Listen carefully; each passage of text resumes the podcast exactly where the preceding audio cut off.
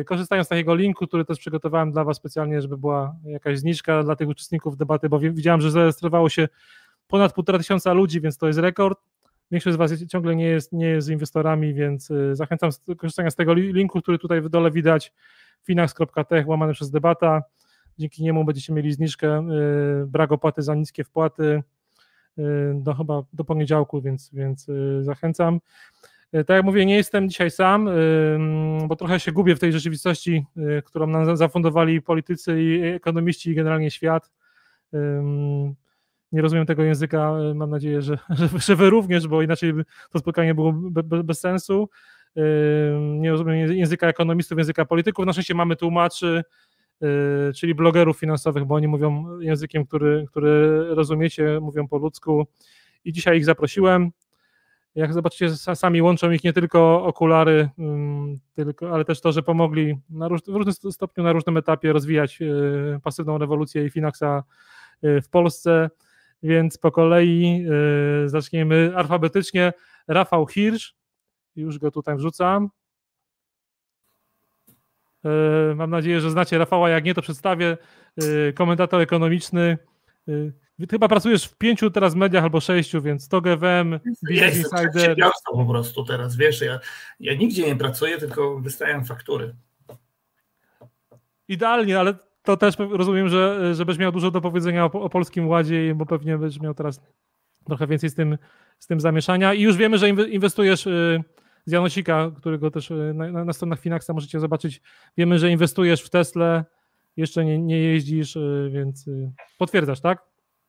że inwestuje w Tesla? Nie. Znaczy, jak kiedyś tam rozmawialiśmy, to wtedy tak, ale dzisiaj nie. Dobra, czyli to jest ten gość, który gra na krótko na Tesla y, i stoi za, stoi za korektą. Dobra, kolejna osoba, Tomek Jaroszek. Od pół roku małżonek, w tę branżę też wchodzi, ale, ale przede wszystkim jednak bloger, bloger finansowy. Nasze drogi gdzieś tam się kiedyś rozminęły w bankierze, w bankierze.pl, ale potem założyłeś własną, własną platformę, Doradca TV. No i przede wszystkim jesteś chyba teraz najbardziej znany z tego, że napisałeś książkę o Warrenie, Warrenie Buffetcie. Cześć Tomek. Hej, hej, cześć, dzień dobry. No. Wchodzisz w tą branżę weselną, czy, czy, czy jednak zostajesz przy, przy finansach?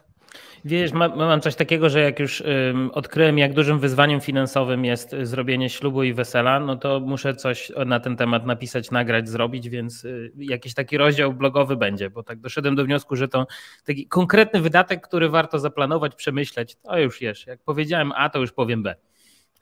Okej. Okay. Alfabetycznie wypadałoby, żeby był Maciek Samcik, ale on się tradycyjnie spóźnia, więc na razie go nie, nie przedstawię. Natomiast rzucam y, człowieka, który też stoi za, za sukcesem Finaxa, po, początkiem sukcesu Finaxa, bo to ciągle jest po, y, początek drogi. Y, Michał Szafrański, cześć Michał. Siema, finansowy, finansowy Dzień ninja. Dobry Dzień dobry wszystkim. Zobaczymy, co to się będzie działo za chwilę. A ty masz kłopoty z Polskim Ładem? Przyznaj się, bo ty już chyba napisałeś nie, ja nie mam, poradników. Ja nie mam żadnych kłopotów z Polskim Ładem, e, najmniejszych. E, tak się składa, że to, co dzisiaj doradzają doradcy podatkowi, to ja taką spółkę mam już od dwóch lat, spółkę komandytowo-akcyjną. E, także można powiedzieć, że Polski Ład wszedł mi idealnie, jeżeli chodzi o optymalizację podatkową i za 2022 rok zapłacę zdecydowanie mniej podatku niż zapłaciłem za 2021, bo tak mnie rządzący zachęcili do tego, żeby jednak e, pewną optymalizację podatkową stosować. Legalną po, w Polsce, bez żadnego uciekania za granicę ze spółkami i tak dalej. Także legalnie płacę podatki w Polsce, a że będzie ich znacznie mniej niż w 2021 roku, no to cóż, e, umożliwili to rządzący, to trzeba brać. Ale to nie jest tak, że to, to ty stoisz za tymi zmianami podatkowymi, czy najpierw się przygotowałeś, nie, a potem rzucił. Nic, okay, dobra. z tych rzeczy. Nic z tych rzeczy. Spoko. Także w trakcie znaczy, spotkania ja dołącz... odbywa się jakieś paniczne szukanie tego, kto odpowiada za Polski Ład, ale to nie jestem ja. tak, tak. Na, na Twitterze jest tam jakieś polowanie na, na czarownicę i chyba tam już y, winni są, ale jakby na tym webinarium skupmy się na tym, jak z tego, jak z tego y, wyjść i na tym zarobić, ewentualnie nie stracić. No, nie, nie, nie, szukajmy, nie szukajmy winnych. Panowie, wielkie dzięki, że, że w sumie edukujecie finansowo Polaków i jesteście tutaj dzisiaj z nami, bo wiem, że chyba pierwszy raz się udało w takim składzie e, zebrać, zebrać e, blogerów. Wszystkich zachęcam do zadawania pytań. My już kilka pytań, pytań mamy, więc, więc rzucajcie, śmiało wrzucajcie. Jest nas już, już prawie 500 osób, więc trochę się uzbiera. Chłopaki obiecali, obiecali, że mają do północy czas, więc spokojnie, spokojnie. Damy, damy, damy radę. Ja mam takie pierwsze pytanie na początek, na, na, na rozgrzewkę. Czy macie jakieś postanowienia noworoczne? Zdradźcie. Niekoniecznie muszą być finansowe. Musisz palcem pokazać, kto ma odpowiadać, wiesz, my jesteśmy kulturalni, to nie, nie najmłod, Najmłodszy. Dobra, to, to chyba ja muszę. Dawaj. Chyba ja muszę podejść do mikrofonu. Y, wiesz co, może to y, źle zabrzmi, że tu tyle się dzieje na świecie i y, ten polski ład nas tak zaskoczył z początku roku i właściwie umówmy się, że, że codziennie możemy w tym ferworze informacji ledwie się odgrzebać, a, a moje postanowienie noworoczne jest takie, żeby trochę mniej pracować i trochę bardziej skupić się na sobie i odpocząć, bo mam wrażenie, że w tych ostatnich dwóch latach pandemicznych tego wszystkiego jest tak dużo, jest nam bardzo ciężko w tym trybie taki złapać jakieś, wiem, że to wyświechtane słowo work-life balance, więc ja mam takie postanowienie, żeby jednak y, troszkę więcej odpoczywać. Ja tu się śmieję, że nadaję teraz y, z biura, bo jako bloger z home office musiałem wyjść do biura, żeby później móc z biura wracać do domu, dzięki czemu trochę zachować tej higieny życia, no bo trochę tak ostatnio mamy przez kilka dobrych kwartałów i jeszcze kilka się zapowiada, że ten tryb y, pracy będzie podobny. No, no mówmy się, że jak patrzymy na to, co się dzieje na świecie i to, co się dzieje w Polsce, no to końca pandemii jeszcze nie widać i, i, i, moje postanowienie jest takie, żeby troszeczkę więcej odpoczywać i jakoś sobie mądrzej tę pracę rozplanować. A finansowych to wiesz, ja nie jestem z tych, co tam biegają 1 stycznia na siłowni, żeby zaraz to się znudziło, więc, więc te finansowe postanowienia trzeba realizować non-stop. To nie ma jakichś noworocznych, to, to musi być regularne, systematyczne i pewnie o tym będziemy jeszcze rozmawiać dzisiaj w trakcie. Rafał? Y, to się tak ciekawie składa, bo ja mam odwrotne postanowienie y, a propos tego work-life balance, ponieważ y, ja z kolei tak mniej więcej przez ostatnie 2-3 lata dążyłem do tego, żeby pracować jak najmniej i żeby sobie właśnie ten work-life balance ustawić tak, jak każdy by chciał pewnie, czyli pracować jak najmniej, nie zmniejszając sobie dochodów przy okazji oczywiście. I mam wrażenie, że już doszedłem do takiego poziomu, w którym rzeczywiście, znaczy, wydaje mi się, że w ubiegłym roku pracowałem najmniej w swoim życiu zawodowym, y, odkąd w ogóle zacząłem. Y, I stwierdziłem, że być może już osiągnąłem ten poziom taki docelowy i teraz będę się odbijał w drugą stronę, czyli po paru latach przerwy być może zacznę troszeczkę więcej y, różnych rzeczy robić, bo chyba powoli nabieram na to ochoty. Yy, więc to w drugą stronę takie postanowienie. Nie? Jesteśmy w innych, w innych miejscach. Akurat jesteśmy. Ja w tym miejscu, w którym miałem silne postanowienie, żeby pracować trochę mniej, byłem jakieś tam 2-3 lata temu. Michał? Ja nie mam ani postanowienia, żeby pracować więcej, ani żeby pracować mniej. To tak powiem w kontrze do obydwu, skoro to ma być debata. E, e, na poważnie mi się wyklarowały projekty w zeszłym roku już, także e, ja w zasadzie takie przedsięwzięcia, które planuję na ten rok, to można powiedzieć, zastałem je niejako. A z rzeczy, powiedziałbym, takich kluczowych, które chcę wprowadzić w swoich finansach, powiedzmy, to tak jak dotychczas budowałem portfel głównie dywidendowy, e, czyli zależało mi na tym cash flow z dywidend, to mam bardzo mocną nadzieję, że rok 2022 to będzie ten portfel, w którym dołożę do, znaczy ten rok, w którym dołożę do portfela więcej spółek nie dywidendowych, a wzrostowych. Też licząc na to, że jednak ten sentyment się gdzieś tam przesunie w kierunku value i to już zaczęło się dziać na początku roku, co obserwuję z pewną radością. E, i że te wszystkie spółki, których nie mogłem od dwóch lat kupować, bo były po prostu za drogie, że one znajdą się w takich rejonach, które mnie interesują, cenowych, tak. Także to tak z finansowego punktu widzenia, żeby troszeczkę znowu bardziej zdywersyfikować ten, te swoje inwestycje w ramach tej strategii, którą ja realizuję. I tyle. No tak, bo tu mamy fanów, fanów dywidend wyjątkowo dzisiaj yy, zebranych, więc, więc jakby to value, value investing jest. Ale ja od razu bym zdementował, bo to trochę jest tak, że ja mam ten portfel taki bardzo yy, poszatkowany i też niektórzy na mnie patrzą jak na inwestora yy, dywidendowego wyłącznie, inni patrzą, że mam portfel publiczny w Finaxie, to muszę być inwestor, inwestorem pasywnym. Yy, jeszcze inni jak widzą strategię tego portfela w Finaxie 100-0, czyli 100% akcji, to mówią o rany, jak, jak, jaką ten gość ma tolerancję ryzyka. Wiesz, ja, ja w akcjach mam, nie wiem, 65%, 66% mniej więcej mojego portfela w tej chwili, więc y, To jest tak, że no, zależy gdzie ucho przyłożyć, to trochę co innego widać i dobrze też jest patrzeć całościowo i jakby nie, nie, nie szufladkować tych osób, jak nie wiemy, co one tam dokładnie w tych portfelach mają do końca, nie?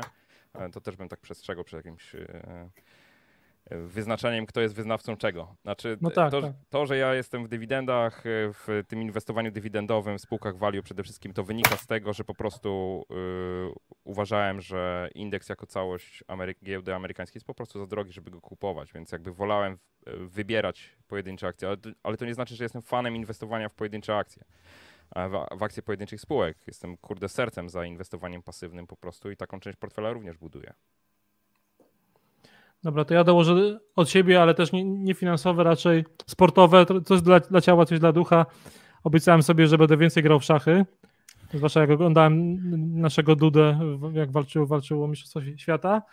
I mam też planie przebiec bieg wazów. Dodajmy. Nie, nie, nie, nie, nie, nie. I mam też planie przebiec y, bieg wazów 90 km w marcu y, na biegówkach, bo jestem pasjonatem wielkim. O kurczę. I obiecuję sobie, że będę mniej korzystał z Twittera. Właśnie sobie to już uświadomiłem w momencie, jak e, zrobiłem retweet naszej transmisji na, na, na Twittera.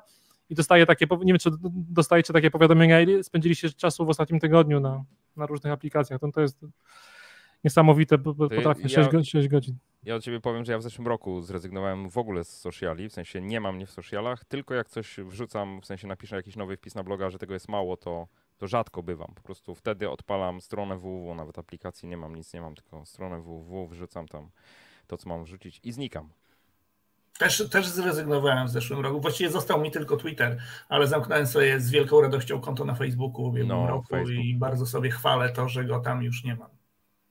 To ja się dorzucę, że mnie inne social media wypychają w stronę Twittera, bo jak nie widzę na Facebooku tego, co bym chciał widzieć, tylko wszystkie inne cuda, no to trochę sam mam ochotę go wyłączyć, więc tak mam wrażenie, że naturalnie jestem z połowy sociali wypychany, bo ciągle widzę coś, czego absolutnie nie chcę oglądać. Więc jak tak na siłę będą robić sociale, to, to, to pewnie będziemy mieć sporo tutaj zmian na tym rynku. Ty, Ale Przemek, czyli my, musimy ma... do, my musimy, powiem Ci, do tematu przechodzić, bo ja widzę, że tu są tak, bardzo tak. fajne, konkretne pytania, także nie fajne chciałbym są, czasu widzów Fajne są tak pytania, ale... utylizować za... nasze opowieści dziwnej treści. Jasne, ja, jasne. Yy, ale zacznę do, nawiązując do tego, że tam dzisiaj pan, pan premier ogłosił yy, VAT, VAT 0% yy, na żywność i tak dalej, to się ciągle zmienia. Ale czy wy, wy osobiście wiecie, czy wy, wy, konkretnie stracicie, czy zarobicie na, na Polskim Ładzie? Ty, Rafał jest symetrystą, takim największym wśród nas, więc może od Rafała. Za, Czemu jestem symetrystą? Potrafisz chwalić, y, potrafisz chwalić niezależnie od y, poglądów politycznych y, jedną i drugą stronę. To jest bardzo, to, jest, to był komplement, to był komplement. Myślę, że, że każdemu z nas trudno w tym momencie powiedzieć, ponieważ ten tak zwany Polski Ład się ciągle zmienia i ja nie jestem pewien, czy znamy jego ostateczną, jego ostateczny kształt. No, na, na to na, na, dzień dzisiejszy na nim trochę stracę w sensie podatkowym, bo rozumiem, że interesuje Cię kwestia podatkowa, tak, a nie to, czy ja stracę na tym, że będzie VAT na żywność zerowy. Yy, więc jeśli chodzi o te zmiany podatkowe, to, to tam trochę stracę. Ale niespecjalnie mnie to boli, niespecjalnie się tym przejmuję, bo wiesz, yy, yy, ja prowadzę działalność gospodarczą i generalnie ten podatek cały czas i tak mam niższy niż moja żona, która jest na na etacie i ja zarabiam więcej niż ona i będę płacił nadal mniejszą składkę zdrowotną, ona zarabia mniej i będzie płacić większą składkę zdrowotną, więc to i tak jest dalej system taki trochę e, patologiczny moim zdaniem, e, więc nie, nie boli mnie to jakoś i nie, nie robię z tym nic wielkiego. Znaczy być może faktycznie się tam zmienię formę opodatkowania, ale z tego co patrzyłem tak jednym okiem, to niezależnie od tego, na jaką bym się nie przerzucił w tym momencie, to i tak będzie to minus, a nie plus, więc to jest kwestia tego, czy ten minus będzie mniejszy, czy ten będzie większy, no ale jakiś tam minus będzie. Będę się więcej dokładał do publicznej służby zdrowia w Polsce. Michał? Znaczy ja, ja, się, ja się przychylę do tego, co Rafał powiedział, że nie znamy skutków e, końcowych i nie wiemy. E, tak samo, no, co by nie mówić o inflacji, to nie wiadomo, czy ten rząd ma jakiekolwiek instrumenty, żeby ją powstrzymać w sytuacji, do której sam doprowadził, więc wiesz, no, za chwilę może się okazać, że mamy zupełnie inny problem, a z kolei Polski Ład, czy zmiany wprowadzane przez Polski Ład będą też wykorzystywane jako pretekst przez przedsiębiorców do podwyższania e, cen i tak dalej, więc to będzie taka spirala, że mamy wiele powodów, dla których e, e, inflacja może się zadomowić, że tak powiem, nie? Aczkolwiek ja, ja mam taką zasadę, że staram się nie prognozować niczego, tak? No bo Gucio wiem na ten temat, w ogóle się na tym nie znam, staram się reagować, więc na tyle, na ile potrafię, to reaguję tu i teraz. No i tak jak powiedziałem, no z mojej perspektywy, patrząc czysto z mojego punktu widzenia, jakby ignorując to, czy, czy, czy, czy na co idą podatki i tak dalej, to ja zapłacę podatków po prostu efektywnie mniej, tak? E, I tak jak liczyłem, to wiesz, no jeżeli w zeszłym roku byłem w okolicach powiedzmy 18% e, po uwzględnieniu wszystkiego, znaczy inaczej, za 2021 rok jeszcze do końca nie wiem, ale generalnie w okolicach 18% załóżmy efektywnego podatku po uwzględnieniu wszystkiego, co tam jestem w stanie odliczyć i tak dalej. Y, to w przyszłym roku wychodzi mi, no, że 14% to jest takie maksimum, które ja zapłacę. 14,1% e, efektywnego podatku od całości y, przychodów netto generowanych przez wszystkie moje firmy, nie? Więc y, nie oszukujmy się, moja działalność gospodarcza będzie ryczałtowcem i moja w tym głowa, żeby jak, naj, jak najniższych stawek ryczałtu korzystać po prostu, więc może się okazać, że efektywne opodatkowanie będzie jeszcze niższe. I powiem tylko tyle, że ja mam bardzo szczerą nadzieję, że bardzo wielu przedsiębiorców, przedsiębiorców przedsiębiorców, którzy karnie płacili dotychczas podatki, e, jest tak wkurzonych wprowadzeniem polskiego ładu. E, nawet nie, nie chodzi o to, czy, czy on wprowadza wyższe opodatkowanie, czy nie, tylko sposobem, w jaki polski ład jest wprowadzany. Bo dla jasności, ja co do zasady uważam, że jeżeli ktoś sporo zarabia, to ma jednak jakieś obowiązki, powinien te podatki płacić troszeczkę wyższe niż te osoby, które y, zarabiają mało i powinny się lepiej w życiu urządzać i jak najszybciej przechodzić do grup więcej zarabiających, to tak od razu powiem, tak? Ale z drugiej strony włącza mi się naturalny mechanizm obronny. Jeżeli coś jest legalne, tu w Polsce nie muszę się uciekać z, z firmami za granicę i tak dalej, z, y, y, żeby być korzystnie opodatkowanym, to czemu mam z tego nie korzystać? W związku z tym wierzę i widzę, to nie tylko jest moja wiara, ale ja też widzę, że bardzo wielu przedsiębiorców w tej chwili, takich, którzy karnie sobie płacili te 19%, część z nich na podatku liniowym w działalności gospodarczej, a mówię o działalności gospodarczej, które naprawdę zarabiały grube miliony rocznie, zarabiały, nie mówię o przychodzie, e, to nadal były działalności gospodarcze w wielu przypadkach przez to, że y, oskładkowano je, że tak powiem, tą składką zdrowotną, wcześniej jakoś przeboleli tą daninę solidarnościową, to nie była dosyć duża grupa osób, które tą daninę płaciły, ale w tej chwili, że tak powiem, e, już są coraz... Cześć Maciek w ogóle, dzień dobry. Cześć. Dokończę tylko zdanie, oddaję głos. E, ale w tej chwili, jak już się zabrali za, za to restrukturyzowanie swoich firm, to wie, że czy nie, no niekoniecznie swoich firm, ale sposobów, w jaki płacą podatki, no to wierzę w to, że to będzie odczuwalne. Tak? I te wszelkie prognozy dotyczące tego, ile ten polski ład przyniesie nam tutaj pieniędzy, a ile będzie nas kosztował i tak dalej, e, to rząd pana Mateusza Morawieckiego będzie mógł sobie w piecu nimi napalić. Ja myślę, że oni to wiedzą od samego początku, ale mm, jakby podsumujmy, że tak się spodziewam, że tak będzie. To może teraz Maciek, Maciek ja Cię przedstawiłem już zaocznie, ale jak ktoś jeszcze nie słyszał, to może Tobie, tobie przypomnę y, blog albo właściwie portal już teraz subiektywnie o, o finansach. Y, człowiek, który chyba po raz jako pierwszy napisał w ogóle o finansie w Polsce, więc y, dzięki za, za to wszystko. No i widziałem ostatnio u Ciebie na, na blogu, na, na, portalu kilka tekstów o Polskim Ładzie, więc na pewno wiesz, czy zarobisz, czy stracisz na, na Polskim Ładzie. Podziel się z nami. Znaczy tak, przede wszystkim chcę cześć chłopaki, dzień dobry wszystkim, którzy nas w tej chwili oglądają, słuchają. E, przepraszam za spóźnienie, e, z innego webinaru nadbiegam.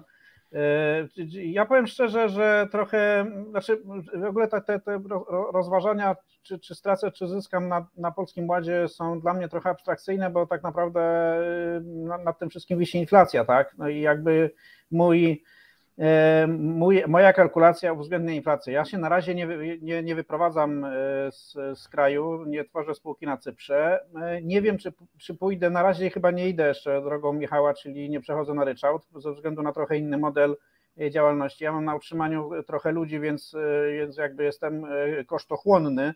W związku z tym ten ryczałt ewidencjonowany nie jest dla mnie takim high jak, jak no, dla kogoś, kto prowadzi po prostu samodzielną działalność, na przykład jest informatykiem czy, czy prawnikiem. Więc na, być może jakby wykonam manewr pod tytułem spółka z ograniczoną odpowiedzialnością, ale też nie jestem jakoś bardzo do tego przekonany, bo wydaje mi się, że i to dotyczy właściwie wszystkich ludzi, którzy czy bardzo, bardzo dużej części tych, którzy będą płacić wyższe podatki, my mamy dość dużą zdolność przenoszenia tych wyższych podatków na e, naszych e, kontrahentów, tak? Mówiąc wprost, e, klientów. Więc mm, jeśli będę miał możliwość takiego zwiększenia przychodów, które mi pokryje wyższą stopę opodatkowania, no to ja nie muszę nic robić specjalnie. Ja mogę sobie po prostu płacić tak efektywnie pewnie zamiast 17, 23 albo 24% podatku e, od znacznie większych przychodów, tak? No i, i dopóki jestem w stanie to zrobić, to, e, to i, i, znaczy, i, i zgadzam się z Michałem, że generalnie podatki e, warto płacić, to znaczy ja nie mam nic przeciwko płaceniu wyższych podatków. Uważam, że płacę bardzo niskie podatki jak na pieniądze, które zarabiam i i jakby nie mam problemu z tym, żeby płacić więcej, tylko nie chciałbym, żeby, znaczy chciałbym, żeby za te podatki była, były lepsze szpitale, lepsze szkoły, żeby były lepsze usługi publiczne, tak? Wtedy ja mogę płacić 25, mogę płacić 30, e, proszę bardzo, tak? Natomiast Polski Ład ma ten problem, że tutaj nie będzie większych pieniędzy na żadne usługi publiczne. Może trochę przedsiębiorcy dołożą na, na szpitale y, ze względu na to, że ta składka zdrowotna, ona generalnie w zasadzie ten strumień pieniędzy na zdrowie nie jest większy od tych etatowców, bo, ten, bo to, to cały czas jakby y, ta składka zdrowotna była, tylko teraz jej nie można po prostu od podatku odliczyć. Więc jakby to, to co pójdzie więcej na służbę zdrowia, to jest to, że przedsiębiorcy zamiast tego ryczałtu kilkuset złotowego y, będą płacić 9%, tak? ale czy tam 4, niecałe 5 w tym momencie. E, natomiast, y, więc jakby to, to, to, to mnie wkurza, ta funkcja, że mamy jeden wielki, y, jedno wielkie zamieszanie, które jest de facto przekładaniem z jednej kieszeni do drugiej, w związku z tym i jakby nie powoduje wzrostu jakości usług publicznych. E, no i ci, którzy zostaną tym obciążeni, z łatwością mogą przerzucić koszty tego na, na swoich, y, na tych, na tych, którzy teoretycznie na tym mają zyskać i w związku z tym ci, co mają zyskać, nie zyskają, a ci, co mają stracić, niekoniecznie stracą. No i taka historia. I pewnie premier Przemku, Przemku, ja tylko dokumentuję jedną rzecz, y, bo Maćku przyszedłeś w tak zwanym międzyczasie. Ja mam działalność na ryczałcie, ale główna działalność moja to jest y, okay. spółka komandytowo-akcyjna. Także mhm. to trochę okay. wyższe opodatkowanie. Jak jeszcze Tomek powie teraz, że on też uważa, że podatki są w Polsce za niskie, to będziemy mieli gotowy tytuł tego podsumowujący to webinarium, że to się wtedy okaże, że ja wcale nie jestem symetrystą. okaże, że jesteś radykałem. O, o, o. I to dwubiegunowym. Dwubiegunowy radykał Rafał Hirsch. I to jest ja, tytuł. Ja to przede wszystkim dorzucę od siebie to, że dowiem się tak naprawdę dopiero za rok, ile y, efektywnie wyjdzie tego opodatkowania. Raz to, co wspomniał Maciej, że, że mamy inflację i nie mamy bladego pojęcia, jaka będzie za kilka miesięcy i jak to będzie wyglądało. Y, czy w ogóle te działania, które są tak szybko zmieniające się. Ja dzisiaj miałem strasznie zajęty dzień i godzinę przed tym webinarem zacząłem odkrywać tarczę antyinflacyjną już drugą edycję. Ja jeszcze dobrze nie zaznajomiłem się z pierwszą, a już jest druga i jak znam życie, powstaje trzecia. Więc tu się tak dużo rzeczy zmienia, że wolałbym nie prognozować, jak to będzie wyglądało y, za rok. Mi na razie wyszło, że przechodzę na ryczałt faktycznie i nie spodziewałem się, że z, z mojego podatku liniowego, który sobie wszystko było łatwe, poukładane, y, gdzieś jakaś ustawa zmusi mnie do myślenia, co tutaj zmienić, bo też sobie spokojnie te wszystkie podatki płaciłem. Teraz trochę musiałem pogłówkować, y, co z tym zrobić, żeby było może bardziej optymalnie, ale nie wiem, dowiem się tak naprawdę za rok, bo ta działalność u mnie też jest na tym etapie, że mocno się zmienia, ale ja bym chciał tylko o tym Polskim Ładzie jeden taki kamyczek wrzucić, że zobaczcie, że my sobie rozmawiamy teraz w takiej, no mimo wszystko naszej bańce dosyć y, dobrze zarabiających, którzy sobie myślą, jak to zoptymalizować, a wydaje mi się, że w ogóle cały poprzedni rok trochę y, sięgał głównie do przedsiębiorców, czyli jak to będzie się zmieniało, co trzeba zoptymalizować, czy zmienią się te formy i tak dalej, a zobaczcie, że od tygodnia, kiedy Polski Ład y, zaczął wchodzić już tak po kolei, to nagle wszyscy się gapnęli, że jednak to wszystkich dotyczy, że to nie jest tylko grupa przedsiębiorców, która sobie musi coś zoptymalizować, zoptymalizować, czy zastanowić się, jak będzie wyglądał przyszły rok, ale od kilku dni w zasadzie we wszystkich mediach y, nagle się okazuje, że wszystkie grupy społeczne w jakiś sposób ten polski ład poczuły. Więc to jest i... dobra wiadomość, znaczy niech się ludzie uczą o podatkach. Tak? Dokładnie no i, tak. To ja jest tak od... jedyna dobra wiadomość z tego całego polskiego ładu, że wreszcie każdy widzi, że płaci po jakieś podatki. No bo ja kto, tak od... wcześniej, kto, przepraszam bardzo, wcześniej wiedział, że jest PIT-2? Ktoś wiedział, bo ja nie. Ja, ja też widziałem się w tym tygodniu. Ja też nie wiedziałem. Aczkolwiek no. Y, tak mi coś chodziło po głowie, jak pisaliśmy, pisałem artykuł o Polskim Ładzie z doradcą podatkowym, tak mówię, ciekawy jestem, jak to, y, że tak powiem, rozliczanie y, na przykład małżonków będzie wyglądało i to potrącanie bądź nie potrącanie zaliczek i tak dalej, nie? E, także no wiadomo, wiadomo, gdzieś tam w kulisach dziwne rzeczy się dzieją. Ale to właśnie... Um to Tomek chyba ten ryczałt wybrałeś właśnie z tego też względu, że, że, że jakby możesz się żoną rozliczać, tak? To, to, to nie. też jest Nie, nie, nie, nie. Bardziej chodzi o sposób. Na ryczałcie nie można z żoną. Dokładnie. Na, na skali. A to na ryczałcie nie można z żoną. Tak, bardziej kwestia chyba działalności jednak, że są różne stawki do różnych produktów i jak po prostu do tego usiadłem, to biorąc pod uwagę, że jest wydawnictwo, są książki, są produkty online, różne rzeczy, no to faktycznie ten eksperyment może się okazać, że, że relatywnie zapłacę mniej podatku niż bym zapłacił zostając. No i tam jest fajna stawka zdrowotna, znaczy no. fajna składka zdrowotna, tak? Bez tak. tak, tak, tak, jest niska, a poza tym przez pierwsze miesiące jest w ogóle jeszcze niższa, tylko tam tak. po, po jakimś czasie się wchodzi na wyższy próg z tego co tam, bo też to badałem i rzeczywiście ten ryczałt wygląda chyba. A to, żebyśmy zostawili ludzi z jakąś taką twardą wiedzą. Ja przepraszam bardzo, słyszałem też, y, ktoś mi pisał na Twitterze, że jak się tak uprzedzał, że jak się przechodzi na ryczałt z liniowego y, i jak ktoś ma plan na przykład wzięcia jakiegoś kredytu w banku w najbliższym czasie, że podobno banki zdecydowanie gorzej, znaczy jest trudniej po prostu wziąć kredyt, bo tam trzeba Część banków w ogóle odcina, bo dodatkowe dokumenty jak się jest na ryczałcie niż jak się jest na liniowym, więc to, jest, to może być jakaś niewygoda, no ale to pod warunkiem, że ktoś planuje zaciągnięcie e, kredytu. Nie? W tym, w ale ja też myślę, wiecie, to trochę tak jest z tymi bankami, że one się dostosowują do zmieniającej się rzeczywistości. Jeżeli nagle się okaże, że sporo przedsiębiorców na ten ryczałt przeszło właśnie z powodu Polskiego Ładu, to nie jest tak, że one żyją w jakiejś innej rzeczywistości, nie wiedzą, że to się dzieje. Tak jak kiedyś, kiedyś były takie przykłady tam z tymi umowami o dzieło i tak dalej, że to też kiedyś było bardzo trudne do uhonorowania.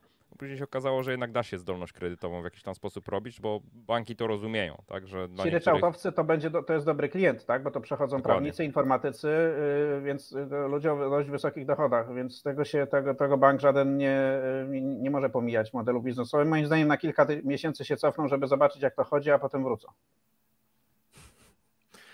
Ale odeślimy ludzi do jakiejś takiej twardej wiedzy, oczywiście, o, o ile ona jest możliwa, bo ciągle nie, nie wiadomo, jak to będzie. Macie, macie gdzieś na, na, swoich blogach takie kalkulatory, narzędzia, rady? No ba. Wiesz co, u mnie A to jest aktualne? U Maćka były mhm. artykuły. U mnie jest jeden, jeden zbiorczy, wielki artykuł, trzy artykuły od góry, jak ktoś wejdzie na jak oszczędzać pieniądze.pl. Jest wielki artykuł o Polskim Ładzie pisany przez doradcę podatkowego, gdzie ja tam podszeptuję też różne rzeczy, więc jakby taka praca kolektywna. E, gdzie rozklepywaliśmy te scenariusze dla przedsiębiorców oczywiście, no bo etatowcy niestety za wiele z tym polskim ładem zrobić nie mogą. W zasadzie nic nie mogą zrobić. Mogą się tylko ucieszyć z tego, że mają e, wyższy próg podatkowy. Nie? Jak zarabiają 20 e, tysięcy, to mogą przejść na liniowy. bo wbrew pozorom to im się opłaca. No i mogą celować w ulgę dla klasy średniej, tak?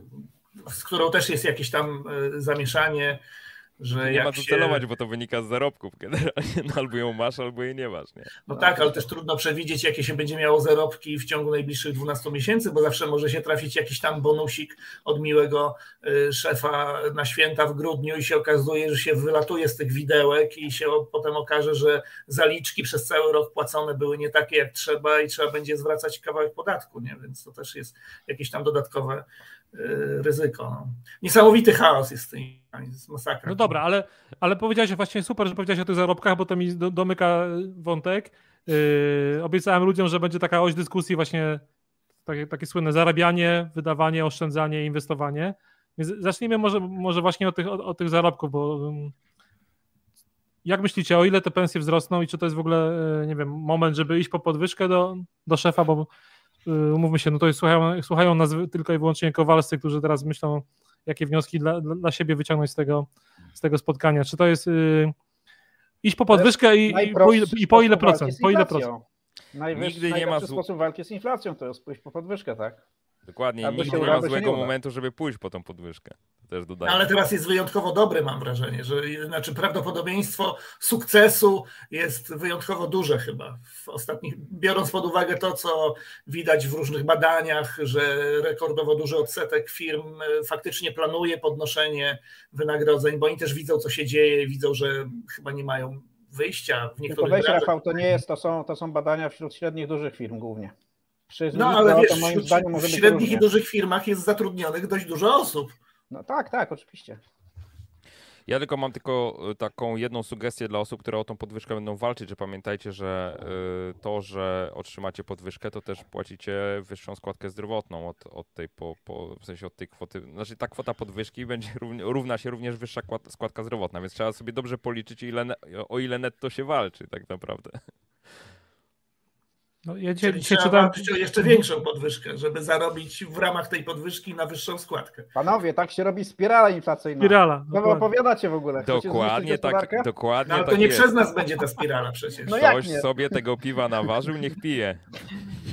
Nie, żartuję oczywiście. Nie, to jakby, a myślę, że taka inflacja, która jakby jest y, pozwala pokryć, y, pokry, znaczy taka podwyżka, która pozwala pokryć inflację, to pewnie będzie y, no, od, od 10% wzwyż, tak, w obecnych warunkach, bo ja niespecjalnie wierzę w to, że będziemy mieli, y, że ta inflacja da się szybko opanować. No zobaczcie, teraz jest 8,6, E, za chwilę dopiero będą podwyżki cen e, e, gazu i prądu w tym wliczone. No zobaczymy te dwie tarcze antyinflacyjne, może trochę tam to schłodzą, może trochę ceny paliwa będą niższe, bo to analitycy mówią, że one tak trochę spadną, no ale z drugiej strony presja płacowa, no ja tam szczerze mówiąc wydaje mi się, że że, że ostatnia prognoza prezesa NBP być może jest wyjątkowo trafiona. Raz w życiu dobrze trafił. E, I to może być tam w skali roku jakieś 7-8% pewnie. E, A to zróbmy sondę, zróbmy taką sondę. No. I, i, każdy z Was i, ile stawia na koniec roku, na koniec grudnia, jaka będzie roczna, roczna inflacja? Rafał Symetrysta pewnie 3 powie. Ale na koniec grudnia, tak? E, tego tak. roku? Tego roku. Co powiem ci 5%, ale, e, ale dałbym więcej, natomiast wydaje mi się, że nikt tego jeszcze nie mówi, ale wydaje mi się, że te tymczasowe obniżki podatków, które teraz premier wprowadza w ramach tych kolejnych tarcz, wydaje mi się, że one zostaną na stałe. I że nie będzie, bo gdyby one faktycznie były na pół roku i potem z powrotem by wróciły do. To będzie efekt jojo to, to byłoby pewnie i z 10%, ale obawiam się, że tutaj też polityka wejdzie w grę i za chwilę będą wybory w przyszłym roku. Mam wrażenie, że oni będą to jeszcze przedłużać i de facto z jednej strony y, budżet jest w świetnej kondycji, bo inflacja napędza y, dochody z podatków, nie? Więc właściwie te napęczniałe przez inflację dochody z podatków można teraz wydać, obniżając te podatki, jak gdyby. Ale tych pieniędzy nie ma, ale tych pieniędzy nie jest bez, jakby nie jest nieograniczona liczba, tak? Tam masz 30-35 miliardów możesz wydać. 10 już poszło na pierwszą tarczę. Teraz nie wiem ile pójdzie, bo jeszcze nie liczyłem, ale Irek u nas już to policzył, więc zaraz sobie zobaczę. No e, dobra, no to tak... niech będzie, że no okej, okay, no to zwiększą deficyt w takim razie. Też nie będzie to no tak. oznaczać jakiegoś końca świata, tak? No mieliśmy lata z większymi deficytami, yy, więc no zobaczymy, jak to tam im wyjdzie w praniu te, te rachunki. Natomiast generalnie wydaje mi się, że oni nie odważą się y, podnieść tych podatków z powrotem, więc jak je teraz obniżą yy, na żywność do zera, na paliwa i tak dalej, że to już tak do, zostanie do wyborów spokojnie. I w związku z tym ta inflacja, ja obstawiam, że niech będzie, że 5,5. A w przyszłym roku będzie zamrożenie wyboru. Żeby kredyty były tańsze. Jak na Węgrzech, nie? Węgry, tak. tak no. Scenariusz Węgier. Dobra, czyli 5,5 Rafał, Tomek? Ja bym chyba powiedział bliżej siedmiu, bo to jest tak nieobliczalne i, i, tak szybko to się zmienia jak w kalejdoskopie, że, że postawiłbym jednak wyższą. No i też ostatnio mówiłem w podcaście a propos takich rzeczy, że im bliżej do wyborów, tym bardziej polityka będzie nam też mieszać w wielu rzeczach i, i ekonomia może spaść nam na drugą, drugie miejsce i po prostu na, na tym pierwszym miejscu będą te cele krótkoterminowe, a to czasami psuje mocno y, y, to, co w zasadzie chcieliby ekonomiści zobaczyć, a o koniec końców chodzi głównie o wyborcę, a nie o ekonomistę, czy, czy o to, jak to będzie się układało, więc, więc bliżej mi do tych siedmiu. Maciek? Mi też bliżej do tych siedmiu, chociaż najchętniej to bym zrobił jak Michał i powiedział, że niczego nie prognozuje, bo to jest rzeczywiście trochę teraz się bawimy w jakichś e, e, Wróżbitów. wróżbitów. Tych zmiennych jest tyle, że w zasadzie to, to można cokolwiek powiedzieć. No, mi się wydawało, że chodzi o zabawę. No nie no, wiecie... Ja myślałem, że, Zbyt to, poważna- że to na poważnie. Zbyt poważna zabawa, zbyt poważna Musimy wiedzieć zabawa. po ile do tego szefa iść po podwyżkę, no bo dzisiaj, dzisiaj czytałem Puls Biznesu i Ignacy Morawski mówił, że Nie, no to było real- już mowa, że co realnie- najmniej 10%. Co najmniej. 10%. Bez kozery powiem 500. Y, e, Realnie Ignacy mówił Morawski, że y, wzrosną pe- pensje, wynagrodzenia o 1%, co jest chyba najniższym od wielu, wielu lat y, wzrostem, ale ciągle real, realnie wz- wzrosną, więc Znaczy ja jeszcze a propos tych podwyżek powiem, że najlepszym sposobem na, na podwyżkę jest zmiana pracy, no i tu nie ma co walczyć o 10%, bo się zaraz może okazać, że to niewiele nam poprawiło sytuację, tylko warto walczyć o 30-50%, no. Politycy sobie już podnieśli o 50% w zeszłym roku, przypominam. I nie zmienili pracy. I nie zmienili pracy. A dzisiaj wręcz Mateusz nam, e, pan premier Mateusz, żeby nie, żeby nie było, że tak bezpośrednio się zwracam, e, przecież prosił przedsiębiorców, żeby na jedzeniu obniżyli o 5 zł cenę, tak? Ale on tam precyzował na czym konkretnie, no bo ja, są ja, ja sprawdzałem w sieci, czy to nie jest jakiś deepfake, poważnie. E, po prostu nie mogłem w to uwierzyć, że, że to takie bzdury po prostu wygaduje, no ale no cóż, no. No i dzisiaj to tak dość groźnie, zabrzmiało. Czytałem depeszę w papie, że premier mówił, że oni będą bardzo mocno pilnować przy użyciu wszystkich państwowych służb, czy przedsiębiorcy obniżają ceny, jak wejdzie zerowy VAT, że nie mogą nie obniżyć. Zastanawiałem się, Tak w którym tak jak artykule kodeksu karnego jest napisane, Rafał, że Rafał, tak jak pilnowali, musi obniżyć cenę, jak podatek schodzi do zera. Rafał, tak jak pilnowali banków, żeby podatku bankowego nie przerzucały na klientów. No. To tak będą pilnować. To, ale powiedziałeś o, o, tej zmianie pracy, to domknijmy ten, ten wątek zarabiania. Yy, to To jest ogóle to wejdę. To jest generalnie takie troszeczkę smutna konstatacja, z którą ja się zgadzam, że najlepiej w Polsce zmienić pracę, żeby dostać wyższe pieniądze, bo właściwie to nie powinno tak być, nie? Natomiast ta y, kultura, nazwijmy to korporacyjna, często w wielu miejscach jest taka, że faktycznie inaczej się nie da, że bardzo trudno przewalczyć sobie w tym miejscu pracy, w którym się jest y, wyższe pieniądze. Rzeczywiście często tak jest, że jedyny moment na to, żeby y, zwiększyć sobie wynagrodzenie, to właśnie na dzień dobry, tak? Jak wchodzisz do nowej firmy i to jest ten moment, w którym możesz coś więcej wywalczyć, a też nie wszyscy to potrafią niestety, nie? I stąd potem jest y, właśnie y, mówisz, całe to nieszczęście, no. Dobrze mówisz. Bardzo kluczowym momentem jest to, ile masz na starcie, bo potem od tego na starcie będzie te plus 10 rocznie liczone, tak? Plus a- 10 a- rocznie, to byłoby nieźle, jeśli to tak będzie liczone. Nie, ja czy ja powiem z mojego doświadczenia korporacyjnego, że dobrze jest, jak się idzie po podwyżkę, mieć już wydrukowane wypowiedzenie e, i plan e, na ciąg dalszy. I wtedy już jakby druga strona wie, że nie ma żartów. I zupełnie inaczej się wtedy gra. No, Tak. Poza tym budować tą swoją pozycję w, jako osoby, która jest w danym miejscu niezbędna, chociaż to nigdy nie jest prawda, ale y, no, daje, to, daje to przewagę. No. Ja się cieszę, że Maciej jesteś na swoim. Hmm. Ktoś mnie No namawiałeś dobra, ale- też swego czasu, pamiętam. Tak było, true story. Także trochę, trochę jest tak, że się czuję, nie? W sensie Mm. Że to już jest ten moment. ojcem tak. sukcesu. Albo Ale umówmy się, że, że zmieniamy pracę i przebranżawiamy się. Yy, macie jakieś rady, jakieś, jakieś takie zawody, które akurat teraz mogą, mogą zy- zyskiwać? Wiesz co, ja bym Lekarz. Ja, ja bym Co może nie szedł aż tak daleko. Ja bym może nie szedł aż tak daleko, ale jest jeszcze coś takiego, że wiele osób jak się zasiedzi trochę w swojej pracy i em, przez dłuższy czas nie sprawdza tego, jak to wygląda u konkurencji, jak w ogóle wyglądają teraz stawki, to, to jest trochę tak jak z aktualizacją wyceny spółki giełdowej, jakkolwiek może daleko idę. Nie, że, że my musimy czasem sprawdzić swoją wartość na rynku. Ja znam sporo takich osób, które się zasiedziały w swoim miejscu pracy, robią to, co robią, dostają teraz na jakiś czas podwyżkę, są w gruncie rzeczy zadowolone i nagle się okazuje, jest taka refleksja, że one mogłyby zarabiać dużo więcej, tylko po prostu przez ileś lat nic z tym nie robiły i, i tak wyszło. Ja wiem, że y, może dzisiaj mówimy tak trochę pół na serio, pół na poważnie, y, y, pół nie na poważnie właśnie a, a propos tych podwyżek, zmiany pracy, zmiany zawodu i tak dalej, ale serio y, i, i Polski Ład i to wszystko, co się dzieje w ostatnich latach, no sporo ludzi ruszyło na rynku. Widać to po rynkach zachodnich, po niektórych danych, najwięcej Amerykanów po prostu rzuca papierami, zmienia całkowicie zawód, coś się zmieniło. dwa lata pandemii, zupełnie inne założenia. Nagle przychodzi czek od jednego prezydenta, zmienia się prezydent, przychodzi drugi czek. W ogóle się ekonomia zmieniła. Coś, co było w podręczniku do ekonomii jako takie science fiction, że będą przychodzić czeki z pieniędzmi za siedzenie w domu, a i to nagle sporo zawodów zmieniło się całkowicie. No, więc ja, ja bym troszeczkę y, popatrzył też na te kwestie, żeby sprawdzić, ile my jesteśmy dzisiaj warci na rynku. Nawet ja, bezkoniecznie od razu z tego wypowiedzeniem, co Maciek już powiedział, że tak na ostro, ale może sprawdźmy faktycznie, y, ile my jesteśmy warci na rynku, bo, bo, bo może możemy się pozytywnie zdziwić.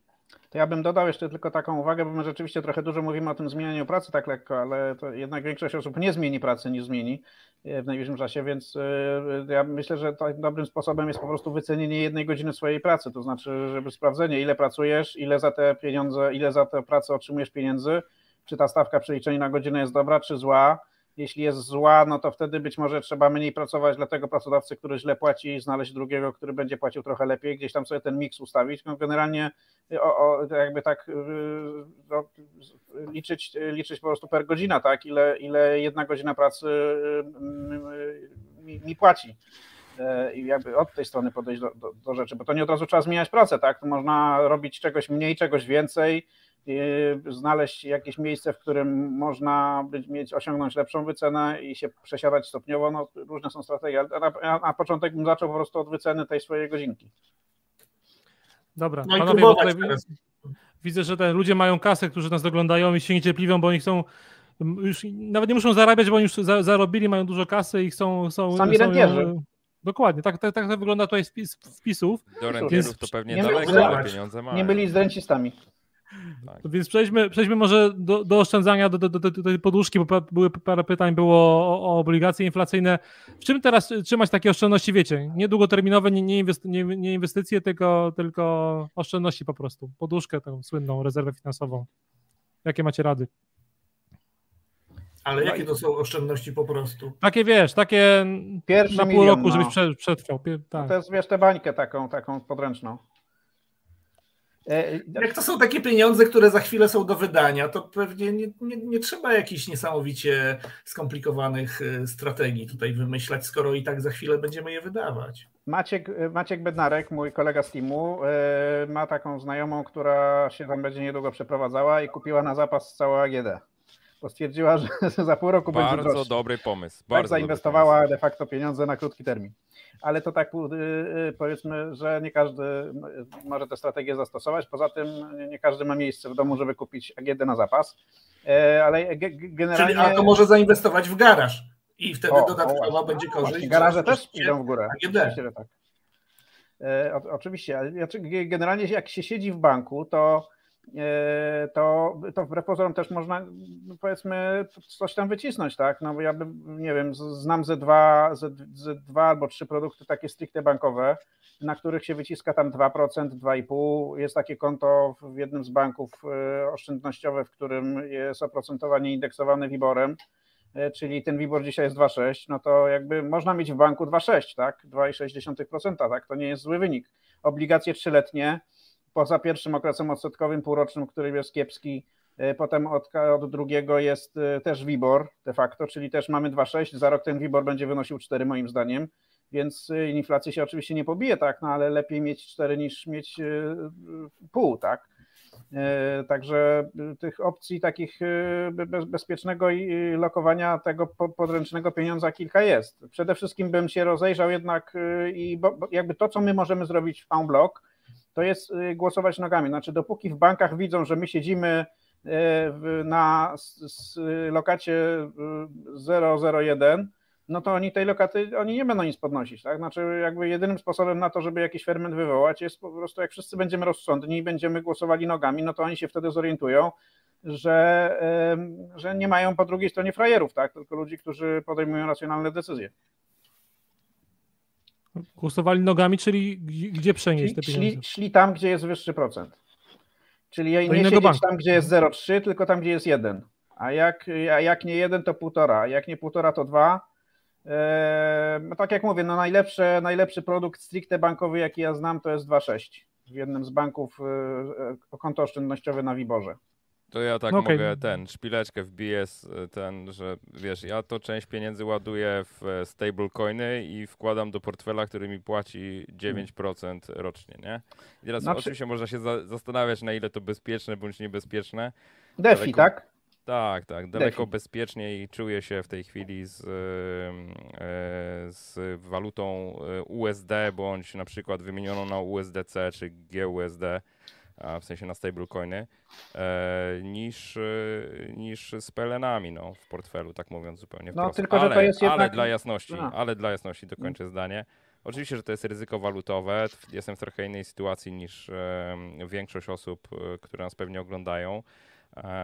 I dla jasności mam też bardzo dużo po prostu w gotówce w banku na jakichś kontach oszczędnościowych i tyle, nie? W PLN-ach czekając na lepszy kurs E, po którym będę mógł wymienić na euro czy na, czy na dolary po prostu. Tak, ja, ja też dodam, e, jakby kwestie kryptowalutowe też mi są po głowie i jakby też e, jakieś te, testuję to drobnymi pieniędzmi łącznie z DeFi, natomiast wydaje mi się, że jak to się wymawia DeFi? De, de, de, de, nie wiem, kurczę. De, DeFi. DeFi. DeFi. E, w, każdym razie, w każdym razie wydaje mi się, że jednak 80% albo 90% tych, którzy nas oglądają, e, jeszcze nie są na takim etapie, żeby, żeby umieć sobie założyć chociażby portfel kryptowalutowy, już nie mówiąc o tym, żeby tym handlować i, e, a, a już myślę, że jakby lokowanie, czy znaczy te, te takie inwestowanie quasi bankowe E, kryptowalut jest e, jednak mimo wszystko jeszcze niszą dość e, wąską.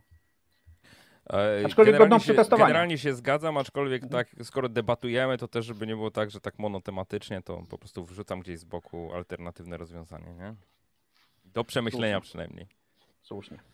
Tomek? Ja bym, ja bym do tego dorzucił, że my mówimy cały czas o słowie oszczędzanie i trzymanie tej poduszki finansowej i tak dalej, żebyśmy trochę nie odlecieli w tym temacie, że jednak to są pieniądze, które muszą być pozbawione ryzyka i to chyba wszyscy często podkreślamy, że, że jeśli jesteśmy w takiej sytuacji, kiedy mamy tak duże nadwyżki, że możemy sobie próbować różnych rzeczy. Wiecie, ja trzy godziny przed tym próbowałem kupić komiks w ramach NFT i testowania jakiejś platformy, więc tak jakby można masę rozwiązań dzisiaj y, próbować testować i, i, i jak, jak najbardziej one dają zarobić ale one mają różne rodzaje ryzyk. Niektórzy boją się zmienić PLN na dolara czy euro, bo tu jest już w tym momencie ryzyko walutowe. Do kryptowalut to jest jeszcze naprawdę kawał drogi, bo, bo tak jak Maciek wspomniał, trzeba jeszcze umieć założyć chociażby pierwszy portfel, zrozumieć jak działa bezpieczeństwo tego, bo tu nawet nie chodzi o rynek, tu nas mogą okraść zanim my jeszcze zdążymy wejść na rynek, więc to jest wiele kwestii bezpieczeństwa, więc ja bym został przy tym, że Poduszka finansowa to jest jednak taki temat, przy, przy którym nie wchodzi żadne ryzyko. Nawet jeśli będziemy przegrywać z tą inflacją jeszcze dobrych parę kwartałów, to mimo wszystko lepiej jest stracić tutaj 2, 3, 4% niż przez jakąś swoją głupią decyzję y, stracić 20, 30, 50 czy po prostu dać się okraść. Więc w kwestii poduszki finansowej to ja tutaj będę bardzo konserwatywny. Serio te konta oszczędnościowe czy obligacje lepiej być w tym momencie na skromnym minusie niż na jakimś eksperymencie całkiem, żeby nam się noga powinęła, bo tych pieniędzy po prostu nie możemy stracić. Te inwestycyjne, super, bierzemy ryzyko na klatę i rozpisujemy sobie, jak to będzie wyglądało, ale w kontekście y, oszczędzania zdecydowanie trzymam się tego, że, że lepiej przegrać trochę z inflacją, niż zrobić coś głupiego, bo raz jest inflacja wyższa, raz jest niższa w naszym życiu, no powiedzmy dziś to się będzie uśredniać, no ale my musimy z roku na rok jednak patrzeć trochę holistycznie na te swoje finanse, a nie tylko w 2022 przenoszę poduszkę finansową na coś innego, bo, bo boję się trochę inflacji. No to to jest bardzo niebezpieczne. Znaczy to wiesz Tomek, dodam, że jeżeli ktoś się boi inflacji i chce mieć po prostu zabezpieczenie przed inflacją, to jednak dziesięcioletnie EDO i tyle po prostu. Zwłaszcza jeżeli to jest taka poduszka, której my i ta, jakby, którą i tak zawsze trzymamy, a nie planujemy jej wykorzystywać. Tak? Znaczy ona jest rzeczywiście na te takie nieprzewidziane sytuacje, bo później się okazuje, że rzeczywiście ktoś ma na koncie wiesz, kilkadziesiąt tysięcy e, czy nawet więcej złotych po prostu na jakichś tam lokatach, których tak naprawdę nie rusza przez lata, nie? Jakby nadal to traktując jako takie backupowe pieniądze, no to włożyć e, w te do i, i tyle po prostu. No, w pierwszym roku nie zarobią, ale w, czy tam zarobią mało. W sensie nie zarobią, ale troszeczkę, że tak powiem, pozwolą nam zmniejszyć wpływ inflacji. 1,7 chyba w pierwszym roku. Tak, a w mhm. kolejnych no to już jest indeksowane inflacją, no i, i tyle po prostu. No. Ja tylko dodam, potrzebne wbrew... pieniądze, to się wypłaci, no. Dodam, że wbrew pozorom te 4-10-letnie obligacje, one nie, nie, są takie niepłynne, że przez 4-10 lat nie można ich y, ruszyć. Tak. E, jakby się, jak się chce ich szybko pozbyć w razie czego, no to tam się płaci taką karę, która anihiluje, zdaje się, zysk, czy, czy nawet część, większą część zysku, ale tylko z ostatniego roku. Tak. Więc teoretycznie, jak mamy takie pieniądze, o których wspomniał Michał, że one niby są podręczne, ale tak naprawdę przez 10 lat nie będą ruszone prawdopodobnie, no to rzeczywiście wejść na takie obligacje i, i, i przy obecnej inflacji pewnie to 8-9% to będzie rocznie płaciło. E, I to jest jedna strona medalu, a jak się będzie trzeba wycofać, no to trudno to się powiedzmy straci ten zysk z ostatniego roku, ale wycofać się z tego można e, w ciągu kilku dni pieniądze na koncie. Tak, ja to sprawdzałem w 10 dni od złożenia zlecenia miałem pieniądze, ale teraz, żeby jakby przełożyć to na język, bo te skróty mogą być dla niektórych y, nieczytelne. Mówimy o czteroletnich, dziesięcioletnich obligacjach skarbowych indeksowanych o inflację. Czteroletki mają, tak, detalicznych. Czteroletki mają w pierwszym roku procentowanie 1,3%, a w drugim to jest marża chyba plus 0,07? Plus 0,75 plus inflacja. Mhm. Z tym, że trzeba też pamiętać, że Inflacja z poprzedniego roku. Dokładnie, że tam jest przesunięcie czasowe, nie? więc jeśli no, inflacja rośnie z roku na rok, to i tak jesteśmy w plecy. Natomiast w sytuacji, w, których, w której ta inflacja miałaby zacząć spadać, a mam wrażenie, że jednak mimo wszystko jesteśmy dość blisko szczytu, to to rzeczywiście może być coś fajnego. No, ja w tej chwili ja mam obligacje dziesięcioletnie y, i to już chyba jest trzeci czy czwarty rok i kupowałem je w grudniu, więc teraz w grudniu właśnie mi się rozpoczął nowy ten okres odsetkowy i zdaje się, że tam będę miał. Krzywdy nie ma, nie? Coś tam w 9% czy jakoś no. tak. No to 9,5 pewnie tam coś takiego. Jakby, no to kurczę, realnie powinno być do przodu jednak. Znaczy poprzedni rok był koszmarny oczywiście, bo rok wcześniej było w grudniu chyba tam 2,5, nie? Więc to było tam 3,5, a inflacja urosła do 8, ale tutaj generalnie no, w ogóle mam wrażenie, że nie trzeba się aż tak strasznie przejmować tą inflacją, jak się inwestuje długoterminowo, bo to w dłuższym terminie czasu się y, wyśrednia. Nie? W jednym roku stracimy realnie przez inflację, ale w kolejnym roku będzie szansa na to, żeby się odkuć, zakładając, że ta inflacja nie będzie przez 10 lat na poziomie bliskim 10%. No ja zakładam, że jednak aż tak, aż tak źle nie będzie. Natomiast jeśli chodzi generalnie o takie zasady oszczędzania, inwestowania i tego, czy wchodzić w jakieś stable, stablecoiny i tak dalej, moim zdaniem każdy generalnie powinien inwestować w takich miejscach, które rozumie i wie, jak one działają, i nie powinien wchodzić w rzeczy, których nie rozumie. Jak chce, to niech najpierw je pozna i zrozumie, i dopiero ewentualnie później. I to jest chyba naj, najlepsza rada, jaką można udzielić y, komukolwiek, tak? No bo każdy jest w innej sytuacji, na innym poziomie, na innym etapie i naj, najbezpieczniej yy, po prostu zajmować się tym, o czym wiemy, jak to działa, nie? I raczej nie ruszać tego, o czym nie wiemy, jak to działa. To jeszcze kończąc wątek obligacji, powiem, że są takie dwunastoletnie obligacje skarbowe. Ale one są tam, się rodzinne, rodzinne. Można tam reinwestować te 500 plus, co się zostaje. I to ma oprocentowanie inflacja plus półtora.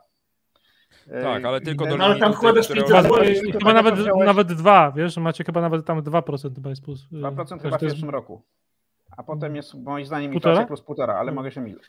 Znaczy one są tak... najlepsze, ale to pod warunkiem, że, że tak powiem te 500 plus otrzymujemy, tak? Bo no tak, to jest dla, dla dzieciaków. 500 plus, które otrzymujemy, mhm. tak.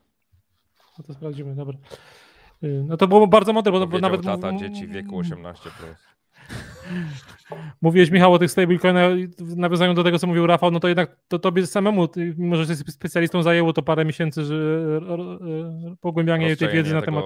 Tak. tak, tak. No to generalnie no to nie jest tematyka, która jest y, taka y, łatwa, prosta i przyjemna nawet do zrozumienia y, w, czytając, tak? Bo to, to jednak jest trochę inny świat finansowy niż, niż my znamy, rozumiemy. I trochę jest tak, że tą swoją głowę też trzeba do tego ponaginać. Y, z drugiej strony bardzo trudno jest zweryfikować te rozwiązania DeFi'owe, które są bezpieczne, które są mniej bezpieczne, e, więc y, no, jakby trochę czasu mi też zajęło zgłębienie, która platforma jest taka, której ja ufam, że nie boję się tam, nie wiem, grubszej kwoty po prostu wpłacić, tak? E, I rozumiem, w jaki sposób oni zapewniają bezpieczeństwo e, tego rozwiązania. Okej, okay, tutaj, y, tutaj y, Rafał miód na moje serce wlał, mówiąc o, o tym inwestowaniu długoterminowym. Ja tu wam rzucę, rzucę, tylko dla, dla, informacji, ile te, ile te finansowe portfele, czyli to mówimy o globalnym rynku akcji, dały zarobić, nie wiem, w ostatnim, w ostatnim roku y, w, w, dla inwestorów złotych, nie? To, to jakby 100% akcyjny portfel, to jest aż 27%, to jest no i poproszę was o w ogóle komentarz, czy to... Ale zobacz, że w 15 Ale... lat jest 9 tylko. Właśnie, właśnie. Powiedz jaka jest metodyka, to znaczy to są, rozumiem, wpłata dokonana pierwszego tam czy tam 2 tak. stycznia 2021 roku, tak? i, i, i trzymasz przez rok przy modelowym rebalansingu Finaxa, czyli de, facto to jest, to jest, taki portfel, jakby, jakbyś chciał porównać tą inwestycję, nie wiem, z zakupem waluty i sprzedażą ją jej po, jej po roku, nie? Czyli... A, a, masz gdzieś kursy walut jeszcze, jakie były na początku? Jest to tutaj y, minima, minimal, minimalnie podniosło euro, no i tak y, w tym najbardziej, najbardziej y, akcyjnym 5 punktów procentowych to jest pewnie wzmocnienie dolara do, do złotego, nie? Czyli 7% no. to jest, to jest tyle. No ale to ciągle jest jakby ponad 20% w tym akcyjnym i te, ale to co mówiliście, ten, ten średnioroczny, chyba na to trzeba patrzeć w 15 latach ostatnich, bo tam jest cały cykl łącznie z upadkiem Lehman Brothers wzięty i tak dalej, no to to jest 9% i tam 3% powiedzmy są rocznie, 3-4% y, jeśli chodzi o te obligacyjne portfele, więc, więc zawsze przekonujemy klientów i wszystkich, żeby nie patrzyli na ten z ostatniego roku, y, tylko na, na, na tą wieloletnią średnią, ale pytanie właśnie, czy to jest mm, dobry moment na inwestycje w akcje, y, czy jednak ta, no wiadomo, że z każdym dniem jest coraz bliżej korekty, ale czy, czy, on, czy on do niej dojdzie w tym roku i czy, czy balibyście się teraz wchodzić mocno? Ta korekta już trwa przecież. Ta korekta już trwa tak naprawdę od co najmniej pół roku, bo ja tam tych rosnących spółek w indeksach jest z, mniejszość od pewnego czasu. No, ale, ale, indeksy no, są, wiesz, indeksy są ciągle na Panowie, żeby, żebyśmy mówili tym samym językiem, to zdefiniujemy, co to jest korekta w ogóle, tak? Bo my mówimy o korekcie, ale to ma swoje I na którym rynku. Co to jest. Tak, dokładnie, dokładnie. Na co patrzymy, tak? I na który bo... indeks? Dobra. Tak. Patrzymy na, glo, na, globa, na, globalny rynek y, akcji, czyli S&P 500 tak naprawdę, bo, bo to do tego się sprawa. No to, to globalny czy, czy amerykański? Nie, nie, zacznijmy od, zacznijmy od Amerykanów. No tam jest teraz y, Dobra, ciekawie. Na najbardziej bo, bo, znany indeks patrzymy, na S&P 500, tak? Dokładnie. No, no ma ponad 50% finansów. I gdzie tam, gdzie tam trwa korekta, zapytam. Bo tam to na razie to mamy rzeź spółek technologicznych póki co, ale tak naprawdę reszta rynku wyciąga. Jak popatrzymy sobie na S&P 500, to przepraszam, ale z całym szacunkiem, e, w zeszłym roku mieliśmy raptem jedną, jeden spadek, który przekroczył 5%. Jeden. Jedną A ta rzeź na Nasdaqu to też w tej chwili jest raptem tam, nie wiem, no to też jest niecałe 10 przecież, no to, tak. to, to jest zwykła, zdrowa korekta w trendzie, który nie wygląda na spadkowy no, w tym momencie. Można tak. powiedzieć, że pod względem zmienności, ja się akurat do tej rozmowy przygotowałem pod tym względem, pod względem zmienności to jest raptem 13 rok w historii, nie? W sensie najmniej zmienny rok, zeszły rok na, na indeksie S&P 500 i to jest naprawdę, mieliśmy świetny rok, e, bo indeks poszedł w górę 28%, tak, e, w zeszłym roku. E, I tylko raz, tylko raz spadki przekroczyły tam 5,1% z tego co pamiętam, czy 5,2, więc jakby e, no, na przykład w porównaniu z 2020, no to też można powiedzieć, że jakby porównania nie ma. No w ogóle świetny rok, nie?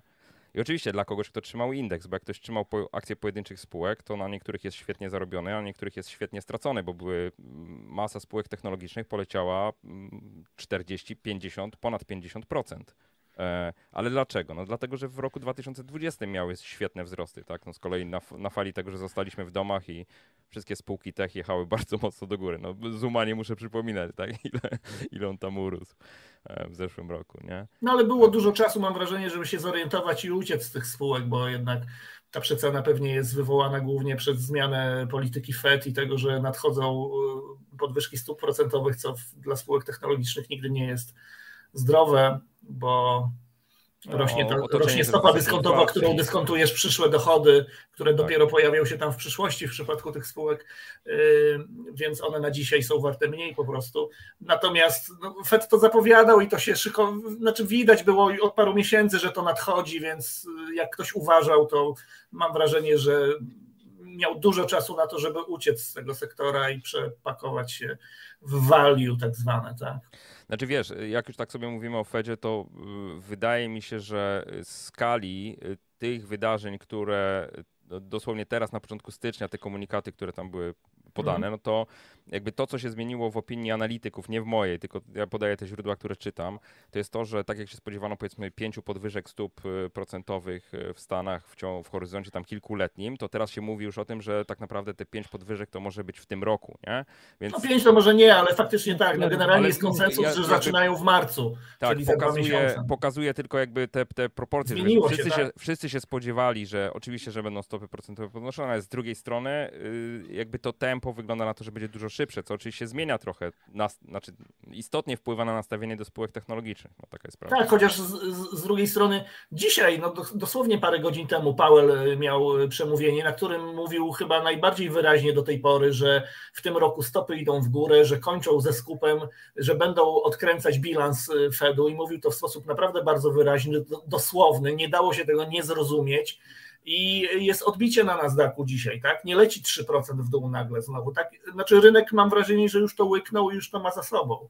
Tak, i, I, i nawet w takiej tak. sytuacji te spółki na Nasdaqu nie lecą mocno, znaczy trochę spadły, ale nie lecą mocno w górę, bo mam wrażenie, że są ciągnięte przez te największe firmy, które jednak i tak będą pokazywać coraz wyższe zyski chyba, tak mi się wydaje. No, bo to jest, słuchajcie... Niezależnie tak od poziomu stóp procentowych to jest moim zdaniem świadectwo, znaczy to, że oni, jeśli oni rzeczywiście będą w stanie podnieść stopy pięciokrotnie, czy nawet i czterokrotnie w ciągu jednego roku, to jest de facto świadectwo siły amerykańskiej gospodarki, tak?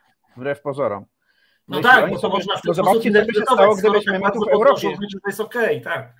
Tak, znaczy oni są w stanie, to mają tak silną gospodarkę, tak silne podstawy gospodarki, że mogą sobie pozwolić na zdelewarowanie tego całego y, y, bilansu i nic się dramatycznego nie stanie. Owszem, będzie pewnie korekta albo będzie płaskość na, y, na, na rynku akcji, ale moim zdaniem to jest świadectwo tego, że, że, że Ameryka znowu tak jak było, zobaczcie, co, co było po poprzednim kryzysie, tak? po, po tym limanowym my w Europie tutaj jeszcze z niego nie wyszliśmy, a oni po dwóch latach mieli posprzątane, tak? Mimo, że to w zasadzie oni y, ten, ten kryzys spowodowali, znaczy i do nas wyeksportowali.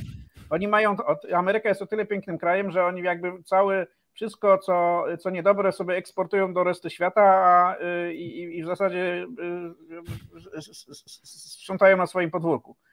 E, I to jest dla mnie argument na to, żeby. Ja jestem dość mocno zainwestowany w Stanach. To znaczy, ja, tak jak zawsze słyszę, rok w rok słyszę, że dolar będzie słaby, że to jest przewartościowane, że te spółki są już drogie, droższe nie będą.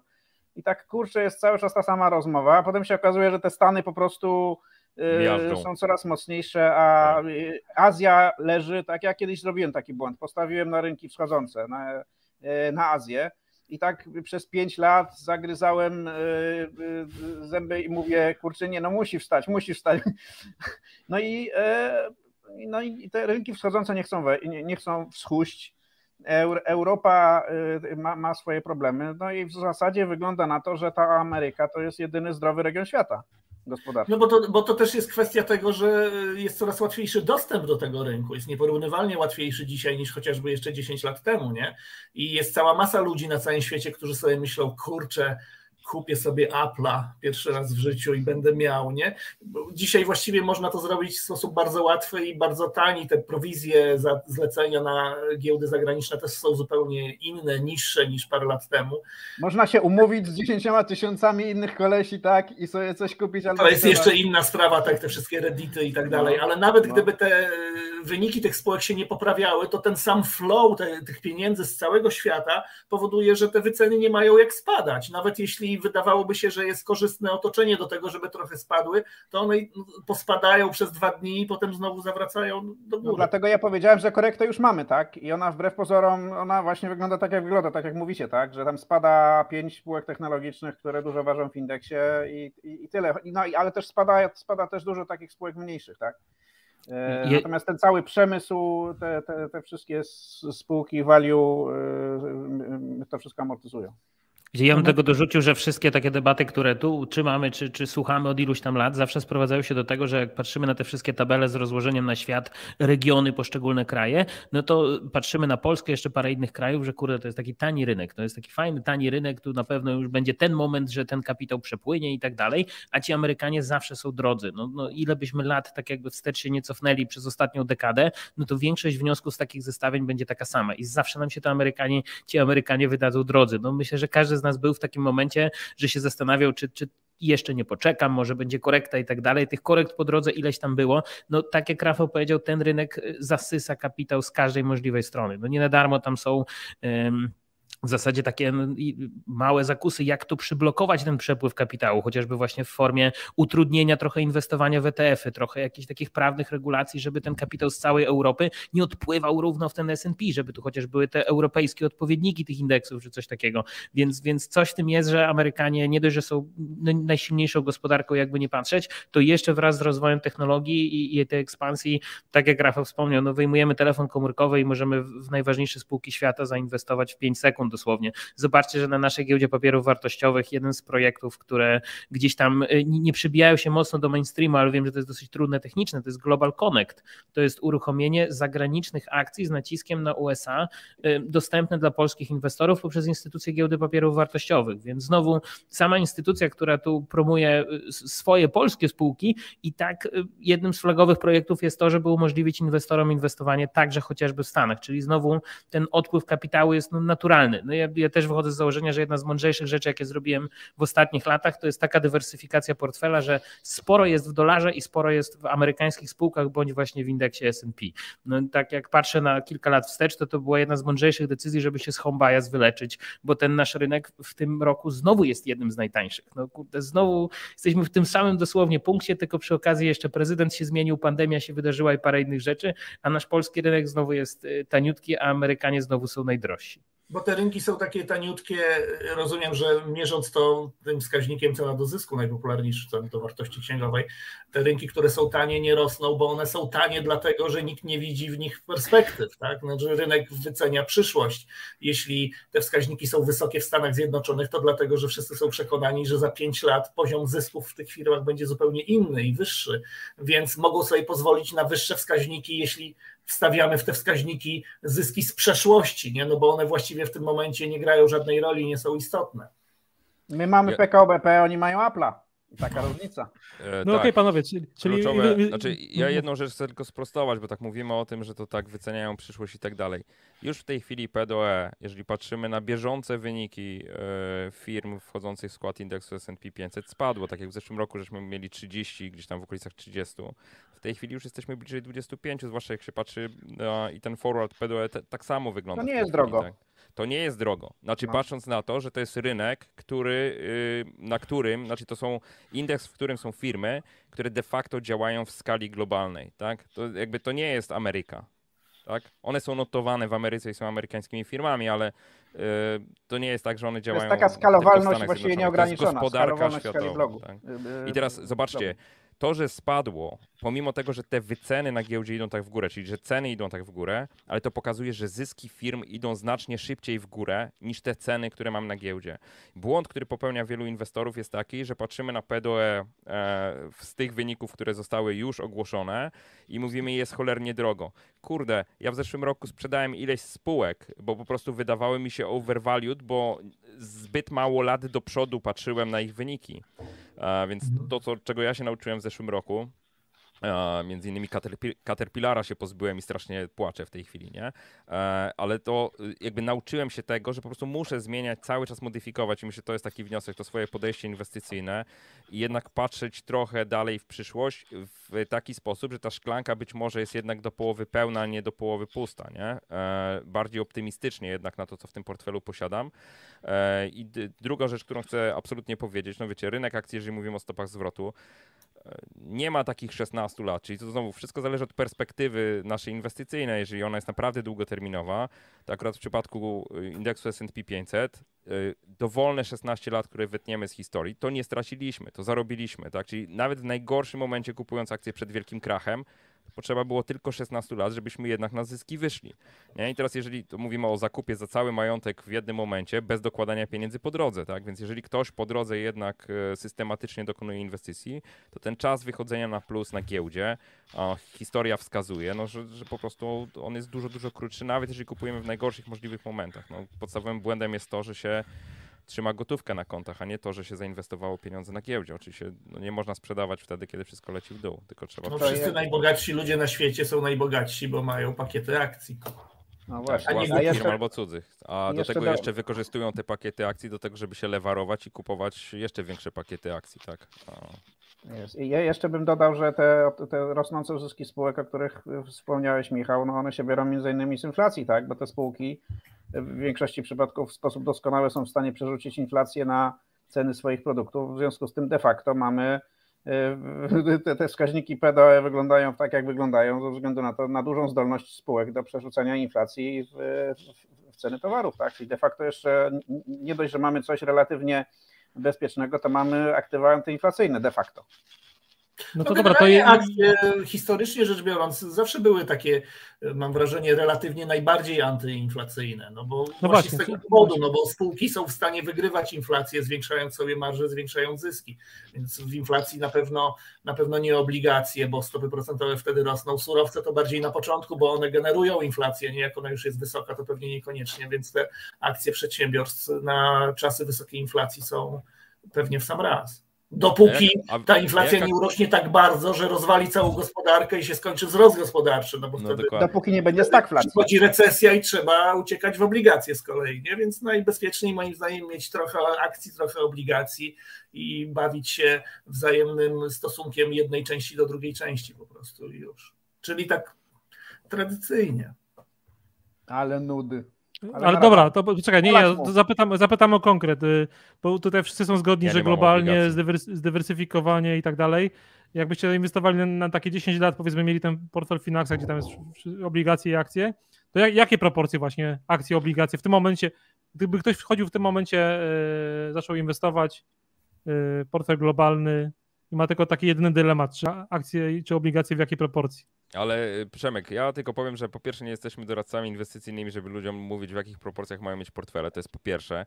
Po drugie, yy, obligacje w portfelu nie służą do tego, żeby były, tylko służą do tego, żeby z, zniwelować nam możliwe obsunięcie tego portfela. Czyli jak rynki akcji nam lecą, no to obligacje w założeniu przynajmniej lecą mniej, w związku z tym na całym portfelu mamy mniejszą stratę i łatwiej nam ją zaakceptować. To jest tylko, z mojej perspektywy, to jest jedyny powód dla posiadania obligacji w portfelu. Innego, powo innego powodu nie ma, tak? No bo z drugiej strony, dlaczego ktoś... No, ale to jest ważny powód. Ale dobra, tak, ale, ale, czy, czy, to jest powód, który się zmienia, czy wiesz, czy to się zmienia w czasie, czy niezależnie od momentu, y, w którym jesteś, y, inwestowałbyś w taki sam portfel, nie wiem, 70-30 na przykład, nie? Bo z tego, co znaczy, mówisz, to wynika, że zawsze niezależnie powiem, od wszystkich... Zawsze powiem tak, jakbym zaczynał inwestowanie, to staram, starałbym się inwestować, to dawno, dawno temu się wydarzyło, nie? Ale starałbym się inwestować w taki sposób, znowu, dwa punkty widzenia pokażę i każdy musi rozstrzygnąć, który z nich jest prawdziwy w przypadku tej osoby. Jedna osoba powie, um, y, y, skoro zaczynam inwestować, to chcę jak najszybciej zweryfikować, czy w ogóle, nie wiem, rynki akcji mi pasują, w związku z tym wpakuję tam jakąś konkretną kwotę i najwyżej będzie mnie bolało, jak stracę. Nie? Ale może się czegoś nauczę i mm, scenariusz B, może się czegoś o sobie dowiem y, na temat tego, jak reaguję na mm, spadki o różnej głębokości, tak? Albo na błędy inwestycyjne, które sam popełniam i potrafię zidentyfikować jako błędy. Tak? Scenariusz drugi jest taki, że zaczynam bardzo bezpiecznie, buduję sobie taki portfel asekuracyjny, w którym, nie wiem, jest 30% akcji, 70% obligacji, czyli taki bardzo ostrożny, można powiedzieć. No i teraz pytanie, jak z kolei wyglądamy my jako taki inwestor, jak jesteśmy rok w takim portfelu drugi, trzeci, czwarty, piąty i widzimy, że on sobie tak rośnie, ale jakoś tak strasznie słabo i w zasadzie inflację czasem przebija, w zasadzie raczej nie ma prawa przebić przy takim składzie, tak? To jak my się z tym czujemy, nie? Eee, I może się okazać, że no, chcielibyśmy być bardziej agresywni, ale z drugiej strony spokój tego portfela do nas bardziej pasuje. Czyli możemy te proporcje powiedzmy stopniowo starać się zmieniać, gdzieś tam powiększać tą, tą liczbę akcji w portfelu i tyle. Teraz y, y, wniosek taki, który powiem ogólny być może, to jest, wrócę do tego, co powiedziałem, że na rynku akcji w długim horyzoncie czasowym nie da się stracić, tak? A historia pokazuje, że no, jakby wielki krach w Stanach, tak, też pokazuje, którego my żeśmy nie doświadczyli w ciągu ostatnich 30 lat spadków o takiej głębokości.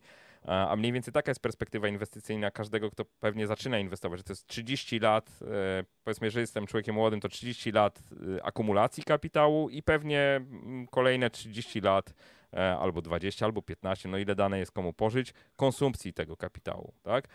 No i teraz pytanie, czy my jesteśmy takimi osobami, które mm, wchodzą na krótki termin, i, i, pomimo tego, że deklarują długi termin, to tak naprawdę chcą widzieć, co się w tym portfelu dzieje na bieżąco, ekscytują się tym, czy raczej nastawiamy się na to, że będziemy tam na długi termin, mamy jakąś strategię, którą uznaliśmy, że jest dobra dla nas i próbujemy w tej strategii przynajmniej przez, nie wiem, 5 lat wytrwać i zobaczyć, e, co się dzieje, nie?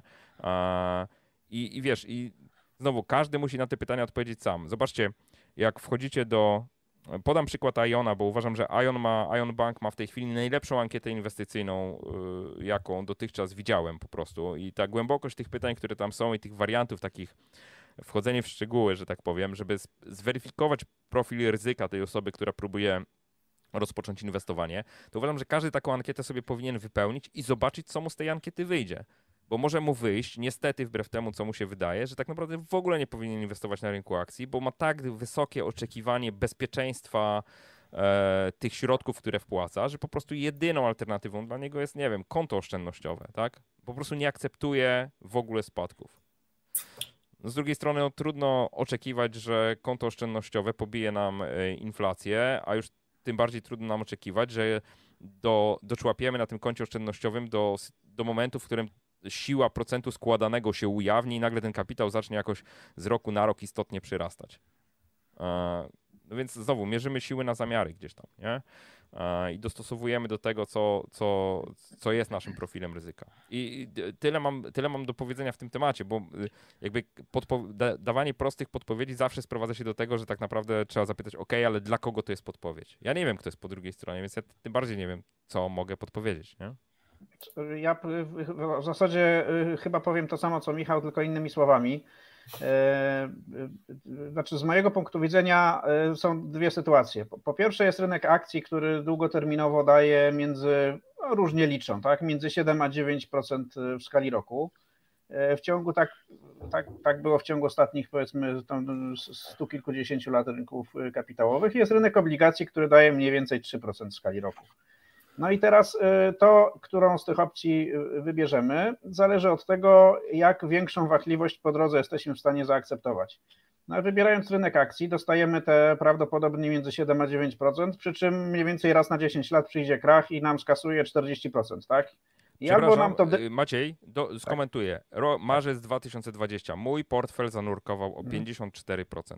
Mhm. 54%. Tak. Także tak, czy ktoś nie wiem, ma 6-7 cyfrowy portfel i jest gotowy zaakceptować to, że połowa tak. jego wartości wyparuje. Tak, no, no, to jest dobry benchmark. Tak, jeśli jesteś w stanie e, zaakceptować fakt, że, że coś ci anihiluje połowę pieniędzy, e, i, i, przeżyjesz, nie popełnisz samobójstwa, nie wyskoczysz przez okno i nie odbierzesz rodzinie chleba, to, I nie zamkniesz to, to, tych pozycji, i nie zamkniesz tych pozycji. Dokładnie, i masz na tyle mocną psychikę, że, nie, że zostajesz na rynku, to wtedy bierzesz opcję A, a jak cię to boli, to bierzesz akcję B i a, a opcję B i wtedy masz y, średnio 3% w skali roku.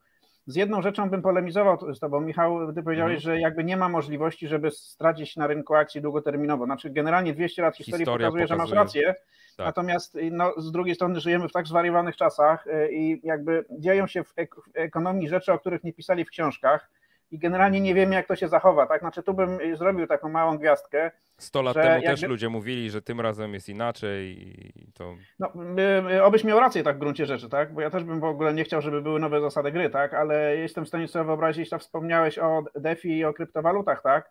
Jeśli by się okazało, że kryptowaluty wysadzają w powietrze tradycyjny system finansowy, no to też nie wiem, jak to będzie rzutowało na tradycyjny, na, na, ten, na ten rynek kapitałowy pojmowany tradycyjnie, tak? Więc ja bym nie, nie, nie, nie, złożył takiego zakładu, że no, jakby nie ma takiej możliwości, żeby w ciągu 20 lat stracić nie, nie, na rynku kapitałowym czy na rynku akcji, e, ale to, to jest takie założenie, powiedzmy, wynikające z faktu, że po prostu widzę, że dzieją się rzeczy, o których nie czytałem w książkach i, i, i ono jest jakby czysto porządkowe.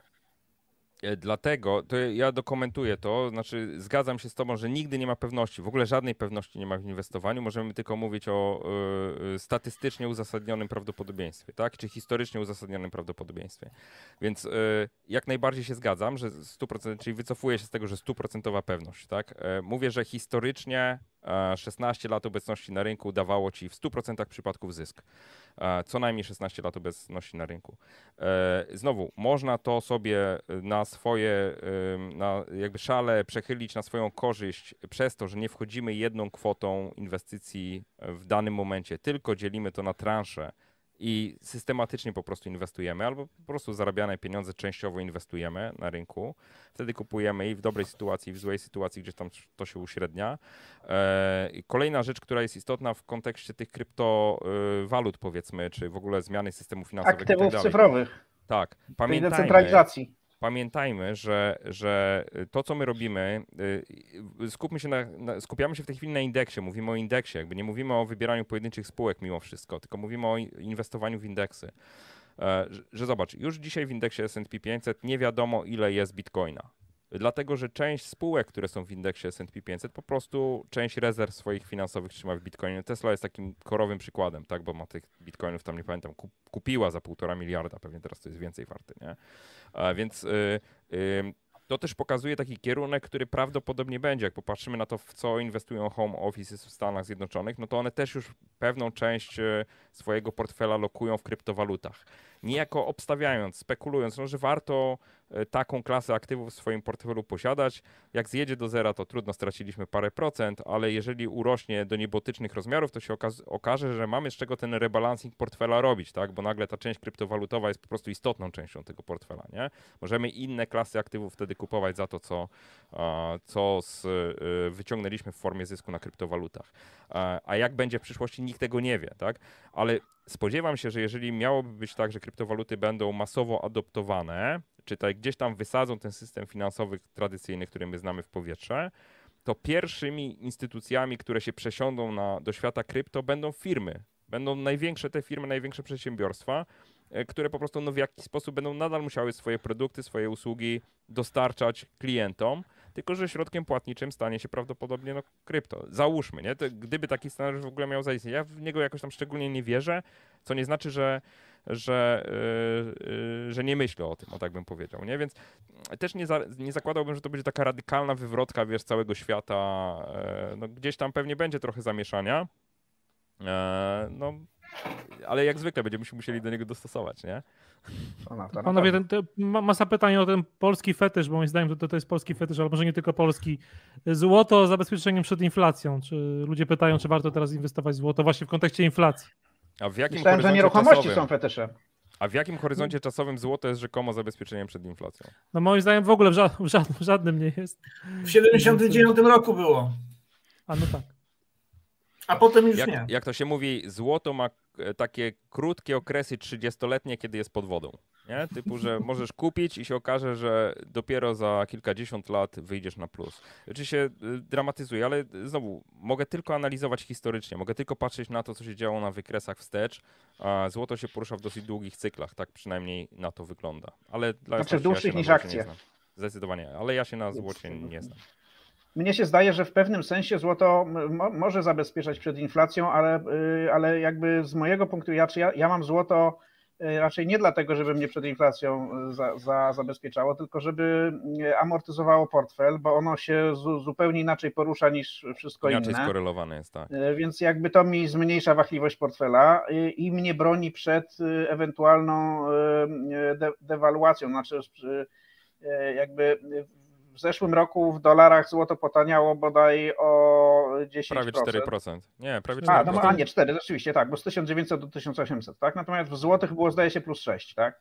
Więc generalnie ja, ja złoto widzę bardziej może nie jako zabezpieczenie przed inflacją, co bardziej zabezpieczenie przed ewentualnym spadkiem y, polskiej waluty, tak? No jeśli, jeśli się okaże, że jesteśmy jako gospodarka y, w czarnej y, dziurze, i będziemy mieli du dużą dewaluację e, e, złotego, no to złoto może być relatywnie bezpiecznym aktywem, takim, które, które to wyprostuje. Nie, nie jedynym i nie jakimś niezastąpionym, ale, ale takim dość sensownym, raczej na, na, na dewaluację złotego niż na jakąś tam obronę przed inflacją.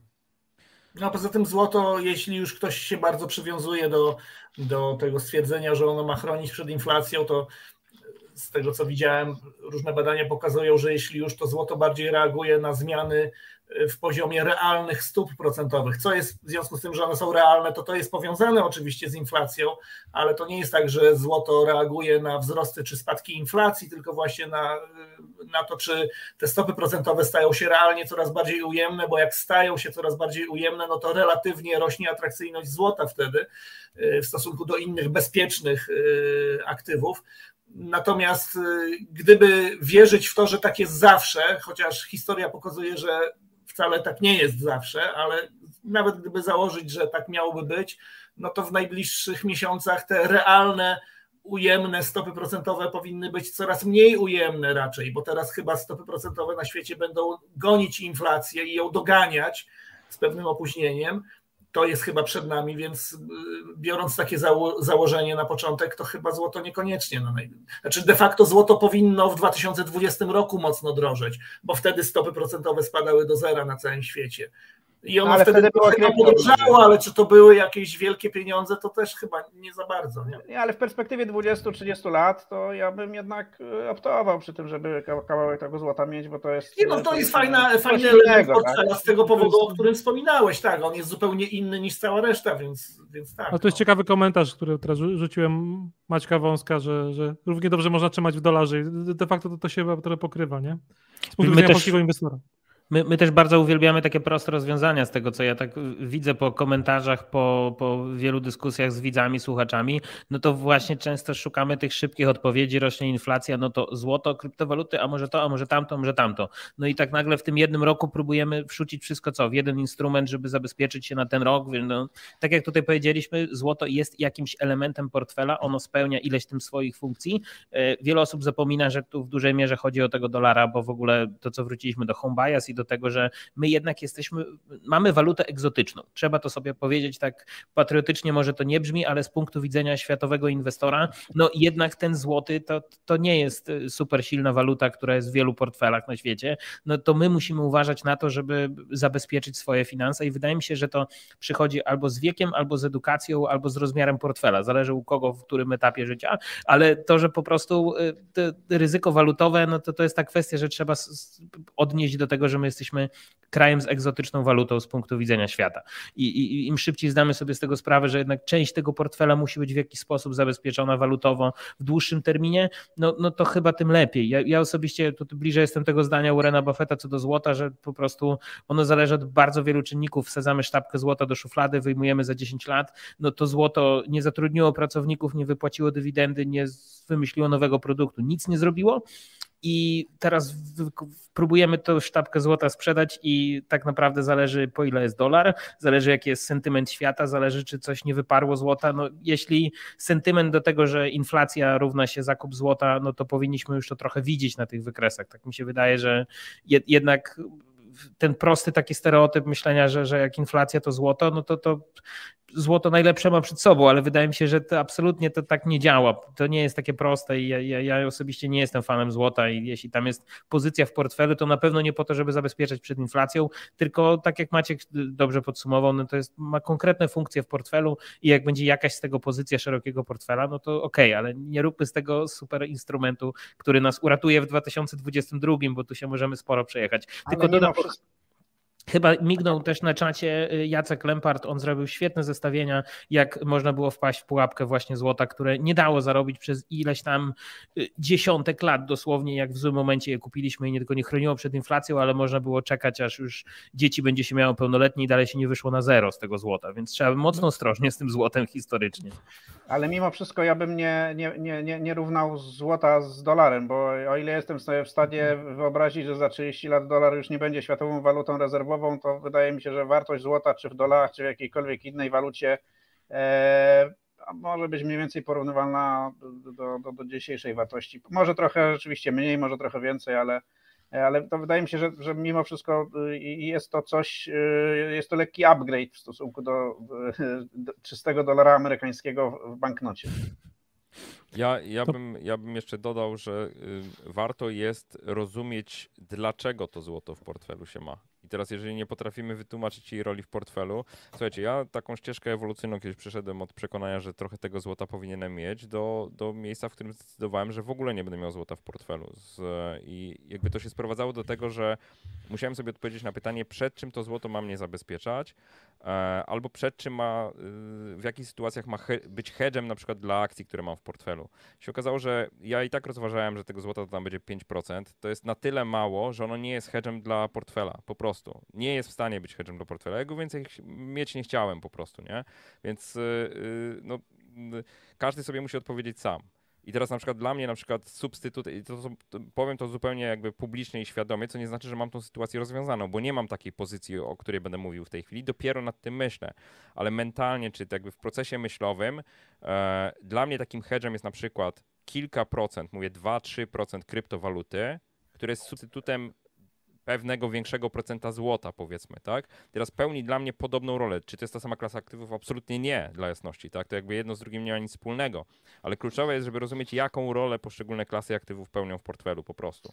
E, I, i gdzieś tą rolę dostosowywać. No akurat w moim portfelu rozważam, rozważam te krypto. E, Michał, e, ja bym no, jeszcze dodał, albo właściwie chyba, chyba bym się z Tobą nie zgodził w sprawie tej e, roli krypto w, w, portfelu. Oczywiście też nie mam jeszcze jakiejś takiej bardzo e, e, jasnego, jasnego zdania, jeśli chodzi o to, jak to krypto chodzi, od czego zależy.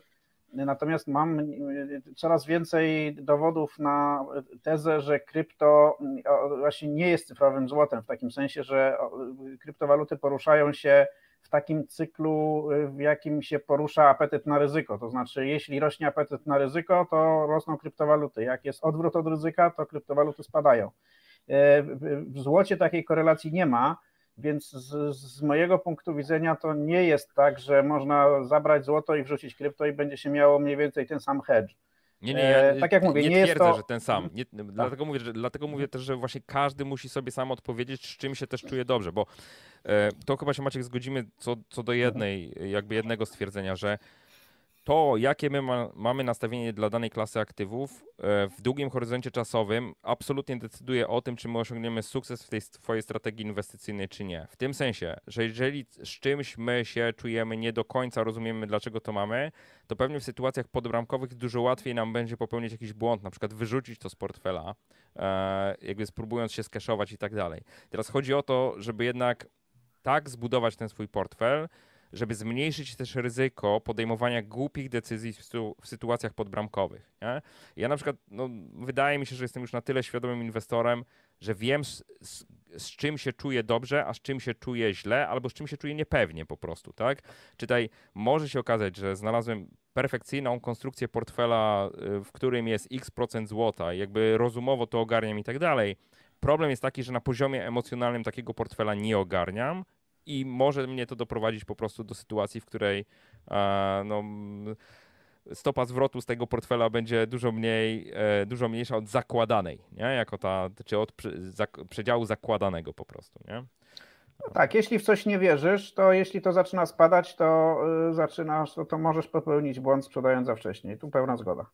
Ale to mnie trochę zaskoczyłeś teraz mówiąc, że czegoś nie, nie ogarniasz emocjonalnie, bo y, myślałem, że że że tam nie ma emocji? Że, tak, że on tak, jest robotem? Tak, to tak, w nie, tym nie, w Rafał, procesie Rafał, inwestycyjnym. Rafał, tak, zadam, jesteś... Radam, Rafał, zadam Ci pytanie. Czy, czy, czy, czy inwestujesz i czy masz e, pokaźnych rozmiarów, jak na Twój majątek, portfel inwestycyjny ulokowany na rynkach kapitałowych? Nie, nie powiedziałbym, że on jest pokaźny. Okej, okay, dobra. I teraz to jest odpowiedź na pytanie, dlaczego emocje być Ja rozumiem, okej, okay, ty masz pokaźny i nie dlatego są e, emocje. Problem, okay. znaczy wydaje mi się, że znaczy jeżeli długofalowo ktoś chce osiągnąć y, sukces inwestując, to jednak y, powinien zakładać, że inwestowanie jest integralną częścią jego życia finansowego. Integralną, to znaczy i oczywiście w miarę jedzenia apetyt z jednej strony rośnie, z drugiej strony no, każdy ma jakiś tam swój profil ryzyka i próbuje tam wycyzelować, tak? Jak zmaksymalizować stopę zwrotu versus yy, nie zrobić sobie kuku, a emocje niestety y, zawsze odgrywają jakieś znaczenie. To co, to, co się dzieje na przykład w tej chwili na rynku od początku roku, jak ten rynek nam wariuje pięknie, jak tam przepływają te pieniądze między value a growth e, i jako 5% potrafi się takie Adobe, które na przykład w ogóle się nie, e, raczej idzie w górę, a na przykład potrafi się bujać jednego dnia, e, tak, w tej chwili tam, no wczoraj było za 500 dolarów, dzisiaj mamy już tam 500, chyba 35 już widziałem, a jeszcze, że tak powiem, chwilowo spadało tam poniżej tych 500 dolarów, a tak naprawdę to jest spółka, no, która już trochę spadła, bo kosztowała już 700 z hakiem i tak dalej, więc e, to też pokazuje, jak bardzo rozedrgane są e, te, jak bardzo rozedrgani są ci uczestnicy rynku.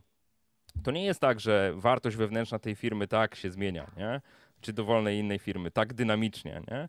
A jednak rynek w jakiś sposób tam e, próbuje, że tak powiem, zgadywać, e, co się będzie z tą ceną działo. Teraz chodzi o to, że my musimy być przygotowani na takie sytuacje z całym swoim portfelem i wiedzieć, dlaczego to, co mamy w portfelu, z jednej strony spodziewać się, znaczy wyobrażać sobie, czego możemy się spodziewać po danej klasie aktywów, a z drugiej strony e, po prostu być przygotowanym na to, że jak się zachowamy w konkretnej sytuacji. Tego nie da się zapostulować. E, e, tego się dopiero sami uczymy. No to myślę, że każdy, kto inwestuje, to dokładnie to wie, że te nasze reakcje jako inwestorów mogą być no, przeróżne. Nie?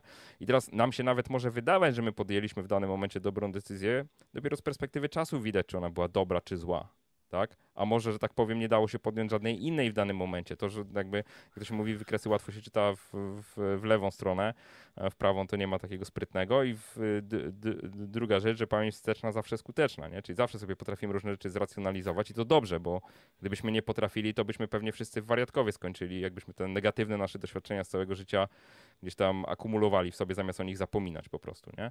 Um, emocje odgrywają olbrzymią rolę i też myślę taki apel do wszystkich, którzy naprawdę chcą inwestować na rynkach kapitałowych, to jest próbować siebie zrozumieć i poznać te swoje reakcje. To się robi w boju najczęściej, ale też dobre książki warto poczytać, czy to yy, yy, ostatnio polecałem tobie, Przemek, nie? Psychologię, Psychology of Money. Mhm. Yy, w, taka relatywnie nowa książka, a wcześniej mieliśmy pułapki myślenia, tak, Kahnemana też, y, które dobrze, y, dobrze, dobrze pokazują, jak bardzo nieracjonalni są ludzie w tych swoich zachowaniach y, i jak bardzo wiele zależy od tego, jaki zestaw przekonań mamy, skąd się wywodzimy, jak trudno się takie rzeczy z siebie wykorzenia. Ja podawałem też Przemkowi taki przykład niedawno, że badania były prowadzone i mm, nastawienie, że tak powiem, inwestorów do różnych klas aktywów bardzo mocno zależy od tego, w którym roku się urodzili po prostu, tak? Czyli jeżeli ktoś się urodził w e, latach 60. E, w Stanach Zjednoczonych i w swoich latach nastoletnich trafił na czas, kiedy wszędzie w gazetach pisano, że rynki akcji to jest najlepsze miejsce do inwestowania, bo rosną, rosną akcje i tak dalej, e, to ma zupełnie inny, inne podejście do inwestowania niż osoba, która urodziła się 10 lat później albo 10 lat wcześniej gdzie mm, osoba urodzona 10 lat wcześniej uzna, że nie wiem, obligacje są na przykład tylko i wyłącznie właściwym sposobem przechowywania pieniędzy, a te rynki akcji to są strasznie ryzykowne i e, rodzice, dziadkowie i tak dalej to fortuny stracili na, na tym rynku akcji, nie? E, więc no, to wszystko ma Masz znaczenie. rację, bo u, u nas y, y, jakby ta y, ten core inwestorów się urodził w czasach, kiedy marzeniem wszystkich było własne mieszkanie i po prostu Polacy mają ciężkiego pola na punkcie inwestowania w nieruchomości. My mamy olbrzymi home bias w Polsce. O tym, o tym mówiliśmy. O tym mówiliśmy, na nieruchomości. My mamy tak. w Polsce olbrzymi home bias. Mieliśmy, teraz już się trochę to zmieniło, ale zobaczcie, pewnie te osoby, które nas słuchają, też tego jeszcze są, są w takim wieku, wystarczająco dużym wieku, żeby rozumieć, że skóra, fura i komura to jest bardzo takie pojęcie y, no, mające miejsce w przypadku wielu osób, nie? że ten samochód, posiadanie auta, posiadanie tych tam, nie wiem, czterech kółeczek, e, bez gwiazdy nie ma jazdy e, albo czarnego BMW, to, to, to w ogóle to jest jakby szczyt takich, powiedziałbym, młodzieńczych marzeń wielu osób. I często, że tak powiem, na furę wydaje się, wydawało się więcej pieniędzy niż na y, podstawowe potrzeby życia, nie? E, a z kolei na przykład, jeżeli zapytamy takie pokolenie istotnie młodsze, czy tutaj, nie wiem, dzisiejszych y, nastolatków, to oni prawdopodobnie dla nich samochód jest czymś naturalnym i jakby nie ma w ogóle jakiegoś takiego ciśnienia, że to musi być jakaś tam konkretna fura, po prostu jest auto, nie? I nie musisz I tak go posiadać, wystarczy, że je wiele, I wiele osób, tych młodych, dokładnie, moje dzieciaki na przprzykład, jakby no w ogóle się nie jarają autami, nie? I jakby uznają, że e, to co, a mówię dzieciaki, ale tak naprawdę ja mam syna 20 lat, 21-letniego, zaraz 22 lata, więc to, to jakby e, e, można powiedzieć młody, dorosły człowiek. I on ma takie podejście, samochód jak trzeba, to się pożycza, tak? I koniec. Jakby nie ma potrzeby posiadania samochodu. I zobaczcie, jak to się bardzo zmienia, nie? E, w inwestowaniu jest tak samo, w naszym podejściu do inwestowania jest dokładnie tak samo. No, jeżeli wydaje nam się, że jesteśmy jakimiś ludźmi, którzy przejdą tą samą ścieżkę, którą przeszedł ktoś, kto 20 lat wcześniej zaczął inwestować albo zacznie 20 lat po nas, to na, z dużym prawdopodobieństwem jesteśmy po prostu w błędzie. Ja bym tylko dorzucił jedną do, drobnie rzecz, do, bo, bo wspomniałeś Morgana Hausera, jego Psychologię Pieniędzy, chyba najfajniejszą książkę, jaką czytałem w ubiegłym roku i też się podpisuję, że to jest re rewelacyjnie zrobiony y, taki pakiet o psychologii y, dosyć łatwo zjadliwy, bo jednak nie takie to miszcze 600 stron i ciężkich tak. pojęć psychologicznych, tylko bardzo przyjemna lektura. Dużo łatwiejsza i, od Kahnemana na pewno. Tak, ja, ja się absolutnie zgadzam, że my zupełnie inaczej patrzymy pokoleniowo, ale to też jest ciekawe do tego badania, że my niestety patrzymy na coraz krótszy termin.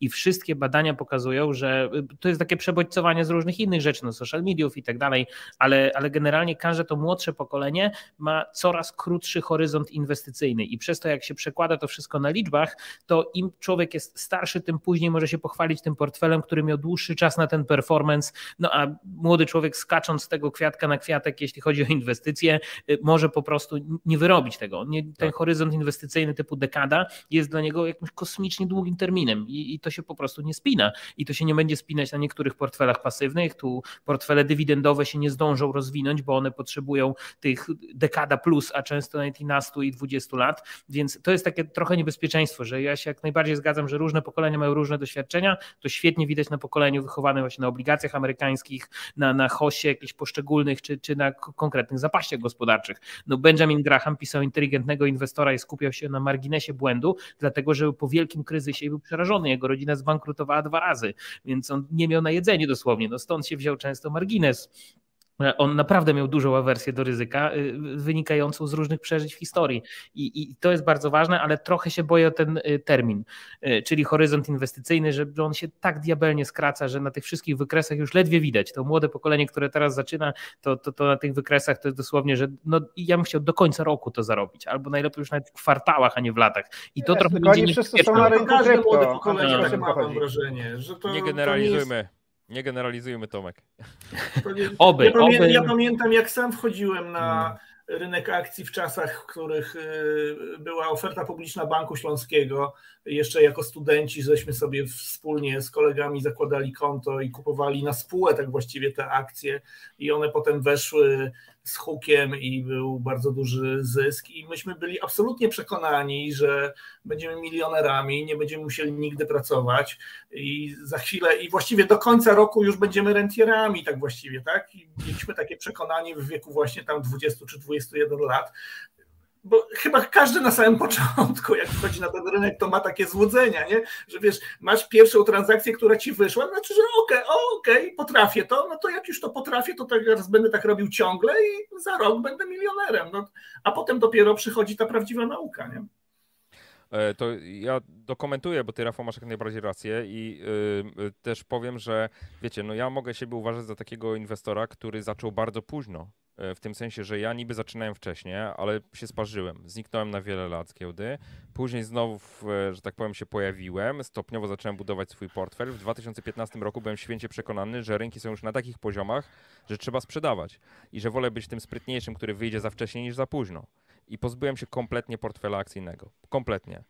I zacząłem wracać na rynek akcji, można powiedzieć, przy absurdalnie wysokich wycenach w 2019 roku, tak? Na totalnym ATH. Nie? I co z tego? No mam jakąś swoją strategię, którą realizuję i wszystkie te doświadczenia wcześniejsze były mi potrzebne do tego, żeby zrozumieć, czego ja oczekuję po tym moim inwestowaniu. Czytaj, pomogło mi to zbudować strategię, być może za późno, być może po wielu latach i tak dalej. Ale jest też plus tej sytuacji, to co chcę powiedzieć. To, przez to, że tyle lat byłem poza rynkami, to, to nie, nie musiałem rynków dotykać, nie skupiałem się na rynkach, skupiałem się na tym, żeby zarabiać pieniądze, po prostu. Tak, żeby budować ten majątek, który dzisiaj jestem w stanie, przynajmniej w części, inwestować na rynkach kapitałowych. I e, czy taka droga, czy śmaka droga, ja zaryzykuję stwierdzenie, że dużo łatwiej jest zarobić pieniądze niż pomnożyć pieniądze poprzez inwestowanie. Więc jeżeli ktoś jest w takim wieku, że jakby chce mu się pracować, mówiąc zupełnie wprost, jest gotowy skakać pomiędzy właśnie pracodawcami, jeżeli jest, jeżeli jest pracownikiem etatowym, albo jest w stanie inwestować masę energii i czasu w swoją firmę po to, żeby zwiększać e, jej rentowność, to to jest bardzo dobra droga, naprawdę. Eee, a dopiero jak już zgromadzi się konkretne nadwyżki finansowe, nie ma pomysłów na to na przykład jak dalej reinwestować to w swoją firmę, eee, no to można te nadwyżki próbować inwestować na rynkach kapitałowych. I to tylko przy założeniu, też mi się takim wydaje, że nie energii już tak naprawdę przeznaczać w takim stopniu, w jakim przeznaczyliśmy na, na inne zajęcia po prostu. Bo jednak nauczenie się tego wszystkiego trochę energii zabiera. I teraz bez względu na to, czy to będzie aktywne inwestowanie, takie jakie ja stosuję, powiedzmy, selekcjonując spółki, czy to będzie też podejście pasywne, bo co, co by nie mówić, dobrze jest rozumieć, co się robi, właśnie po to, żeby też no, zbudować sobie taki konstrukt, który pozwala nam e, w różnych sytuacjach wiedzieć, czy do tego portfela dosypać więcej, e, czy może się uspokoić, czy może nie zaglądać do tego komputera, nie patrzeć, jakie te wyniki są przez jakiś czas. No to, to, to tego wszystkiego się trzeba po prostu nauczyć. To właśnie krótko o tym drugim fetyszu Polaków, czyli o tych nieruchomościach, bo masa pytań do tego dotyczy. Co z cenami mieszkań przy, tym, przy tych e, stopach rosnących? E, czy ta bańka, w ogóle pytanie, czy jest bańka, ale czy, czy ten rok będzie słaby dla, dla cen nieruchomości, konkretnie mieszkań? Co sądzicie? No podobno ma być słaby, znaczy słabszy niż poprzednie i te wzrosty mają ulec przyhamowaniu, no bo ma się zmienić relacja popytu do podaży. Popyt ma być po prostu mniejszy, bo są wyższe stopy procentowe, a część tego popytu, popytu pochodziła z kredytów, które będą teraz droższe. Więc chociażby samo to powinno oznaczać, że te ceny będą rosnąć wolno i co nie znaczy, że jakoś się zawali ten rynek, bo pewnie się nie zawali, ale no bo skoro to jest fetysz, to pewnie cały czas sporo ludzi dalej będzie tam trzymać swoje, swoje pieniądze, ale faktycznie podobno rzeczywiście. Ja, ja akurat nie inwestuję i nigdy nie inwestowałem w nieruchomości, ale z tego co słyszałem od y, profesjonalistów, to ten rok ma być zdecydowanie słabszy już. To jest tak, że nieruchomości y, sobie zwykle dość słabo radzą w czasach wysokiej inflacji. Znaczy, im jest wyższa, im więcej jest alternatyw, żeby zarobić te 5, 6, 7% w skali roku, tym gorzej dla nieruchomości. Wydaje mi się, że w taki etap właśnie wchodzimy. Znaczy też nie, nie chce mi się wierzyć w to, żeby to jakiś krach nagle nastąpił, tylko że re, realnie ceny nieruchomości e, będą spadać. Są dwa scenariusze na moje oko, jeśli chodzi o stopy procentowe i o, e, o generalnie o sytuację makroekonomiczną taką rzutującą na ceny nieruchomości. Albo NBP i rząd y, będą y, chciały szybciej powalczyć z inflacją, wtedy pod, będą trochę szybciej podwyższać stopy procentowe, wtedy będą coraz y, bardziej odcinać ludzi od kredytu i będą de facto odcinać popyt kredytowy na nieruchomości. A ceny nieruchomości bardzo mocno wiszą i zawsze będą wisiały na pieniądzu bankowym. I to jest pierwszy scenariusz niedobry dla nieruchomości. A drugi scenariusz, też w sumie niedobry dla nieruchomości, jest taki, że rząd i NBP nie będą agresywnie walczyć z inflacją, poświęcą trochę inflację e, dla, e, na rzecz tego, żeby nie było wysokiego bezrobocia, żeby firmy nie bankrutowały, żeby ludzie nie tracili pracy. I wtedy z kolei będziemy mieli osłabienie e, złotego, tak? Będziemy mieli dość wysoką inflację, dość niskie bezrobocie i dość słabego złotego. I to też nie jest dobry scenariusz dla cen nieruchomości, bo one realnie w twardej walucie wyrażone, euro albo dolarach, E, będą mniej warte. Więc jakby oba scenariusze są dla realnej wartości nieruchomości kiepskie. E, jak ja mam do nieruchomości tak ogólnie y, taki stosunek ambiwalentny w takim sensie, że oczywiście inwestuję w nieruchomości i to jest część mojego portfela. Natomiast ja nie uważam, żeby to było coś y, e, jakby jakieś y, genialne wehikuł do generowania zysków. W długiej perspektywie są takie indeksy, które tam za 400 czy 500 lat pokazują wartości nieruchomości. Nieruchomości to jest po prostu taka czysta ochrona przed inflacją. E, trochę tak powiedzmy, raz jest 10 takich lat, które, że, że one realnie zyskują na wartości, potem jest 5 lat, że realnie tracą, więc nie ma tutaj żadnej ekstazy. Jest po prostu taki element portfela, który to jest taki stabilny dochód, czy stabilne, stabilne zaparkowanie kapitału, ale nie wydaje mi się, żeby można było na nieruchomościach lepiej zarobić niż na rynku kapitałowym. Ja jakimś wielkim fanem nieruchomości nie jestem, ale większość y, danych, które śledzę, no, no tak jak już trochę wspomnieli panowie, w, w, kieruje nas w stronę tego, że e, raczej ten rynek e, trochę ostygnie, bo trudno tutaj właściwie mówić o jakimkolwiek krachu, czy korekcie większej, czy coś takiego, no bo mówmy się, że większość analityków, która powiedziała to zdanie, to po całym roku musiała oczywiście to odkręcać, że, że znowu się nie udało i znowu e, nie zobaczyliśmy jakiegoś solidnego zahamowania. W zasadzie często słabszy wzrost jest już tym jakimś zahamowaniem tego rynku, ale to też jest ciekawe, co mówiliśmy o inwestycyjnie, że sporo kapitału, który nie idzie na giełdę, idzie w nieruchomości. To, co już powiedzieliśmy od lat, właściwie główny rywal giełdy papierów wartościowych i wielu instrumentów to są właśnie nieruchomości i masa tego kapitału y, przez lata była gdzieś tam po prostu zaparkowana. Może to jest kwestia tego, że, że y, gdzieś przy zmianach prawnych, przy zmianach dostępności tych rynków, to się gdzieś może będzie przesuwać, kiedy wejdziemy w okres faktycznie wyższej inflacji i wzrostu stóp procentowych, no ale to znowu to nie są takie super płynne aktywa, żebyśmy sobie mogli wymienić jedną rzecz na drugą, więc jak ktoś już mocno inwestuje w nieruchomości, no to często jest mu ciężko z tego wyjść e, i, i mówimy raczej o tych wielkich portfelach, które mają już kilka nieruchomości, bo ja bym tylko ostatnią rzecz dorzucił a propos tego, też często myślę, że kto nas słucha, że bardzo często myślimy o kupnie nieruchomości dla siebie do życia, a patrzymy na te wszystkie czynniki inwestycyjne, bo to jest ten temat, gdzie jak urosną ceny nieruchomości, jakie osiedla, jak spadnie, czy to się opłaci i tak dalej.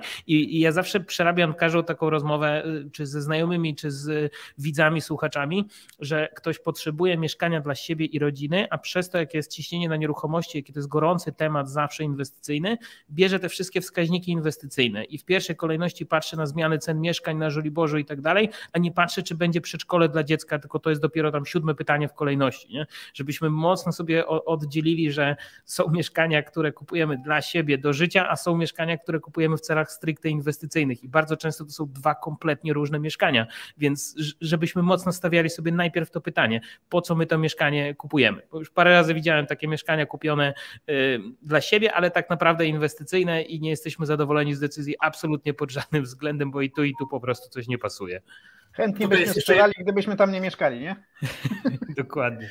Tutaj jest jeszcze jeden czynnik y, dość istotny taki, że jak już faktycznie ktoś naprawdę kupuje to w, jako inwestycję, no to pewnie istotny dla niego jest ewentualny dochód z wynajmu takiego mieszkania y, który powinien być na jakimś sensownym y, poziomie, a wydaje się, że być może pandemia tutaj na tyle zmieni ten rynek, że jednak bardziej upowszechni się kwestia pracy z domu i robienia różnych rzeczy zdalnie i być może upowszechni się to, że na przykład zajęcia na uczelniach wyższych są zdalnie, y, co by oznaczało, że w tych największych miastach y, odpada popyt na wynajem mieszkań ze strony studentów, ale być może też ze strony niektórych tam pracowników, którzy nie będą musieli już przyjeżdżać na jakiś tam okres czasu do Warszawy, Poznania, Krakowa, Y, tylko będą mogli różne rzeczy robić z domu po prostu, prawda? I to może też naturalnie wpływać, tak fundamentalnie wpływać na ten rynek w taki sposób, że będzie mniejszy popyt także na wynajmowanie y, mieszkań, co też jakby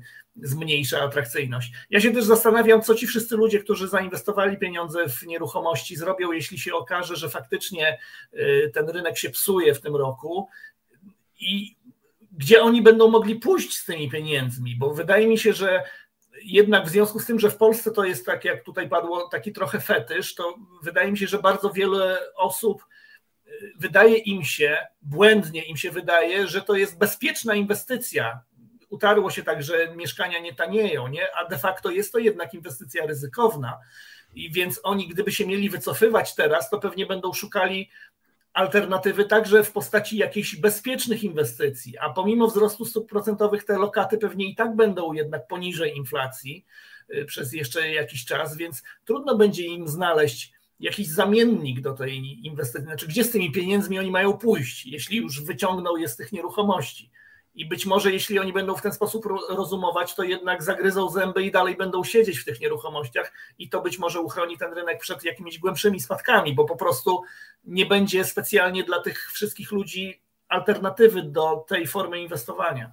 Aczkolwiek, Rafał, pa, pa, pamiętajmy, że niewynajęte mieszkanie to jest minus 3%, tak, przy stabilnych cenach. Tak? Jeśli mamy niezmieniającą się cenę i niewynajęte mieszkanie, to to mamy minus 3% w skali roku. Generalnie mi się wydaje, że przy inwestowaniu w mieszkania jest cała masa różnych przeszkód i minusów, bo to są jakieś, jak wynajmujesz te mieszkanie, to masz ryzyko, że ktoś ci te mieszkanie zniszczy. To są takie aktywa, które wymagają od ciebie bardzo dużo zachodu i musisz tego pilnować. Tak? To nie są aktywa, które są wymyślone w postaci elektronicznej, gdzieś tam zapisane, tylko to jest faktyczne takie dobro, które trzeba sprzątać i umyć raz na jakiś czas i to jest... Nie schowasz tego przed skarbówką. Nie no, no właśnie, to do miejsca B. No, i to Jak jest rząd taki... będzie chciał znacjonalizować albo Jak chcesz to sprzedać, to masz dość duże koszty transakcyjne, musisz latać po notariuszach, to nie, nie sprzedasz tego z dnia na dzień, jak się zacznie coś palić na rynku. Nie, jest moim zdaniem dużo minusów w przypadku tych inwestycji. Ale z drugiej strony masz Ale dużo ludzi to lubi. No, nie, nie, znaczy to ja też, żebyśmy nie przegrzali w drugą stronę, bo jakby my tutaj tak chłodzimy, tak, tylko żeby też nie wyszło, że to jest jakiś... Yy strasznie nie, nie, niedobra inwestycja, tak? To znaczy, jeśli ktoś już ma zbudowany ten podstawowy portfel akcji, obligacje, tam y, jakaś inwestycja alternatywna, tak, to, to nieruchomości są naturalnym tam do, do, dopełnieniem tego wszystkiego. Tylko jak już sam nie wiesz, w co włożyć te pieniądze, to dobra, kupię sobie kawalerkę. Nie, to raczej, ja, raczej myślę o tym, że, żeby nie, nie mieć 100% swojego kapitału w nieruchomościach, bo znam takich artystów, tak? którzy po prostu zabrali wszystkie pieniądze z banku i kupili cztery apartamenty na wynajem, tak? I jeszcze się zalewarowali i kupili dwa na kredyt, tak? No to, no to, to, to, to, to, to jest yy, kiepski pomysł, tak? No to tylko to, to chciałem powiedzieć. Znaczy to macie, kto jest pochodną yy, też y, tego, co ci ludzie wiedzą, tak? To znaczy yy, każdemu się wydaje, że, że yy, mieszkanie na wynajem to jest takie samo mieszkanie jak to, w którym mieszkam, więc to jest inwest klasa, yy, powiedziałbym, aktywów, którą znam, tak? Bo znam każdy kąt mojego mieszkania i z grubsza wiem, ile kosztuje takie mieszkanie rocznie, czy to prąd, czy tam yy, czynsz, czy cokolwiek innego. Wiem, że te mieszkania, yy, no ich cena raczej idzie w górę, przynajmniej taka jest powszechne, takie, jest pow, tak, takie jest powszechne rozumienie tego. Co Nominalnie jest, idzie, tak? Realnie różnie. No właśnie. E, no ale to widzisz, to już ktoś musi rozumieć, co to znaczy realnie, nie? E, kolejna rzecz to jest brak alternatyw. To znaczy, jeżeli alternatywą jest lokata w banku, no to tym bardziej jakby rozumiem, że tutaj y, po pierwsze boję się tyle pieniędzy trzymać w banku, bo od czasu do czasu słyszę o jakiejś idea banku, Getinie czy innych, którzy się tam albo się już przewrócili, albo zaraz się przewrócą, a kiedyś to jakieś skoki i tak dalej. Co prawda w skoku nie trzymam. Wiesz, i to jest często poziom rozumienia tych osób, tak? One wyciągają pieniądze, albo na przykład to są osoby, które jeszcze mają olbrzymią zdolność, jeżeli mówimy o przedsiębiorstwach, generowania nadwyżek finansowych i brak pomysłów i brak czasu na to, więc no co robię? No okej, okay, dobra, czy kupię jedno mieszkanie, czy kupię trzy, to mi dużej różnicy nie robi. To jest na tej zasadzie często, nie? Ale to, co powiedziałeś o tym znajomym, że jak już miał w to wchodzić, to już wolał wejść w cztery, to przynajmniej sobie zdywersyfikuje. To jest jakby w rozumieniu y, osób, które w taki sposób działają, to jest dywersyfikacja, no bo to nie jest jedno mieszkanie, które mi się spali, czy ktoś mi zaleje, czy ktoś mi zdemoluje, tylko będę miał jeszcze kilka innych, nie? Tylko, że jak A... są cztery w jednym bloku. Tak, tak. Ale oddziel, jakby oddzielną rzeczą jest to, czy to jest rzeczywiście rozsądne, tak jakby myśląc w skali wszystkich możliwości, które są dostępne i też łatwości obsługi danej e, klasy aktywów. No, tak już mówiąc, jakbyśmy takim językiem inwestycyjnym mieli mówić, nie? Znowu, wiesz, daleko nie muszę patrzeć. No, jakby w mojej rodzinie, y, pewnie jakbyś moją żonę zapytał, to powiedziałaby, kurczę, prędzej sobie siebie wyobrażam jakby zarządzającą mieszkaniem na wynajem, y, niż inwestującą na rynku akcji, y, czy w ogóle kupującą jakieś ETF-y, nie? I wiesz, i to jest, to jest właśnie to, nie? Że jakby no, mieszkanie na wynajem to jest coś zrozumiałego, nie? Eee, przystępny, to jest przystępna forma inwestowania, tak bym powiedział. A czy ona daje takie stopy zwrotu, czy inne? Ja bym powiedział tak, to zależy w jakim okresie przeanalizujemy. No, nieruchomości historycznie dają bardzo dobre stopy zwrotu, tylko trzeba też spojrzeć na to, e, że nieruchomość nieruchomości nierówna, bo my tak mówimy sobie nieruchomości o inwestowaniu w nieruchomości, ale jak popatrzymy, jakie te nieruchomości mogą być, to to jakby mieszkanie na wynajem to prawdopodobnie jest najmniej sensowna forma wynajmu. No, e, no najlepiej to nieruchomości luksusowe, tak? No, no warto tutaj też jeszcze dorzucić. Albo komercyjne, tak. No, albo jakby wiesz, no, jak popatrzymy na przykład na rejty w Stanach Zjednoczonych, yy, wystarczy poczytać, czym one się zajmują, tak, ile ich jest i czym się zajmują. No to wiesz, no, czy, czy, czy to firmy specjalizujące się w wynajmie szpitali, firmy specjalizujące się w budowie i wynajmie więzień, yy, no to, to przecież to jest, e, jakby możesz spokojnie kupić papiery inwestujące właśnie w takie klasy aktywów, tak. Notabene te rejty są które mają antyinflacyjnie. Dokładnie, teraz, które mają całkiem dobre stopy zwrotu gwarantowane są... przez rząd tak. amerykański, tak? Mhm. E, więc no jakby tylko trzeba rozumieć te niuanse, tak? Skąd te pieniądze płyną, e, na ile gwarantowany jest napływ tych pieniędzy bez względu na to, co się wydarzy. Czym innym jest rate, który buduje centra handlowe i w trakcie COVID-a, nie wiem, najemcy mu wypadają, bo nie są w stanie płacić za wynajem pustych powierzchni, w których nie ma klientów po prostu, e, a czym innym jest szpital na przykład, nie? Chociażby w czasach covidowych. Gdzie wiadomo, że, że y, sam szpital, w sensie jako instytucja, jako firma otrzyma wynagrodzenie za to, że przyjmuje coraz większą ilość klientów, mówię w cudzysłowie. W cudzysłowie to, ja, to ja jeszcze dwa słowa powiem o największym błędzie, jaki można zrobić przy y, y, inwestowaniu w nieruchomości. Znaczy, jeśli mamy w te nieruchomości zainwestowano więcej kapitału niż to, co nam znaczy inaczej, jeśli w pewnym momencie potrzebujemy płynności i musimy się pozbyć nieruchomości, to prawdopodobnie będzie to ten sam moment, w którym chcą to zrobić wszyscy. Tak. E, bo są po prostu takie okoliczności rynkowe, gdzie wszyscy, którzy mają niedostatek płynności, po prostu wychodzą ze wszystkiego, z czego się da wyjść, a jak nie da się, jak już im się kończą te rzeczy, to wtedy wychodzą z nieruchomości. No i wtedy właśnie yy, najwięcej można na tym stracić. Tak, ja większość yy, tego typu inwestycji, jakie wykonałem w życiu, to wykonałem właśnie w sytuacji, w której po drugiej stronie miałem biedaka, który po prostu musiał sprzedać, bo stracił płynność finansową, tak? I, to, to, I tego trzeba unikać, jeśli chodzi o nieruchomości. I tu dodam, znaczy pytanie, które przed chwilą padało, w co inwestować teraz, żeby się chronić przed inflacją, czy złoto jest dobrym sposobem, czy nieruchomości są dobrym sposobem, to jest właśnie ta druga strona w tej chwili. To jest ta strona popytowa, która szuka alternatywy dla tracących, dla pieniędzy, które, o których pras, leżących w banku, o których media napisały, że one tracą na wartości, bo jest wysoka inflacja, nie?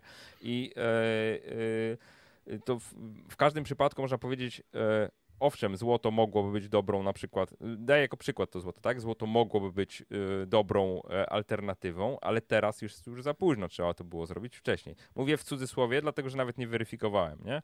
E, po nieruchomościach doskonale widzimy, że ten odpływ kapitału, y, przepływ kapitału powiedzmy z, do nieruchomości jest całkiem spory, no po prostu w tej chwili. I dlatego te ceny idą tak w górę. No, gdyby gdyby popytu nie było, to i, to, to i te ceny by tak nie, nie szły. Ja, ja tak z ciekawości sprawdziłem, bo, bo MBP tam do, dopiero od 2000 chyba, e, od 15 lat monitoruje ten rynek e, cen transakcyjnych, bo ona się przywiązuje dużą wagę do ofertowych, które mają mało wspólnego z, z transakcyjnymi I, i wychodziło mi, że średnio w tych 10 największych miastach w Polsce to średnia zmiana ceny mieszkania e, przez te 15 lat średnio rocznie to jest 5,8%, czyli to nie jest to jest du dużo mniej niż, niż nam się gdzieś wydaje, jakby jak mówimy tam w, rodzinie czy sąsiadką o, o, tym, co się dzieje, co się dzieje na, na rynku. Generalnie, generalnie nieruchomości w Polsce podrożały w ostatnich tam 10 latach znacznie mniej niż y, nie wiem, w Niemczech, y, w Czechach, na Litwie, u naszych sąsiadów, A, więc patrząc z taką perspektywą, to my jesteśmy jednak daleko, czy też byliśmy daleko od bańki na nieruchomościach, o której się często słyszy, to jeszcze Chyba, że na Żoliborzu. jest ten poziom. Patrząc na, patrząc na, y, nie wiem, wiesz, stolice innych państw europejskich, tak. to w Warszawie nadal jesteśmy daleko od bańki, nie? No właśnie. Ja nie, ja, nie, ja nie uważam, że jest jakakolwiek w ogóle bańka na rynku nieruchomości. Ja też to. Znaczy, bańką to wiesz, wiadomo dopiero jak pęknie, że, że, że była, no więc jakby to jest taki problem z nią, ale generalnie nawet porównując sobie te 58%, o których wspomniałem, no, nawet z tymi ETF-ami, które są w Finax, to dokładnie przez 15 lat, ostatnich lat to tyle samo, co, co, co do jednego ułamka, jednego punktu procentowego dał, dała inwestycja w portfel, gdzie tylko 40% było w akcjach, a 60% w obligacjach, czyli bardzo taki bezpieczny, mało zmienny portfel. Wiadomo, że w nieruchomościach jeszcze dochodzi ten, dochód z najmu i tak dalej, ale to jest jakby no nie, nie dla każdego, tak jak powiedzieliście, to jest dość, dość trudna, trudna rzecz. To Ale tak jest średnia też jest tylko średnią, tak? To znaczy, że były nieruchomości, które rosły o 10 i więcej, a były takie, które rosły znacznie poniżej tych 6. Ja was Czyli trochę... to znaczy, że jest ryzyko.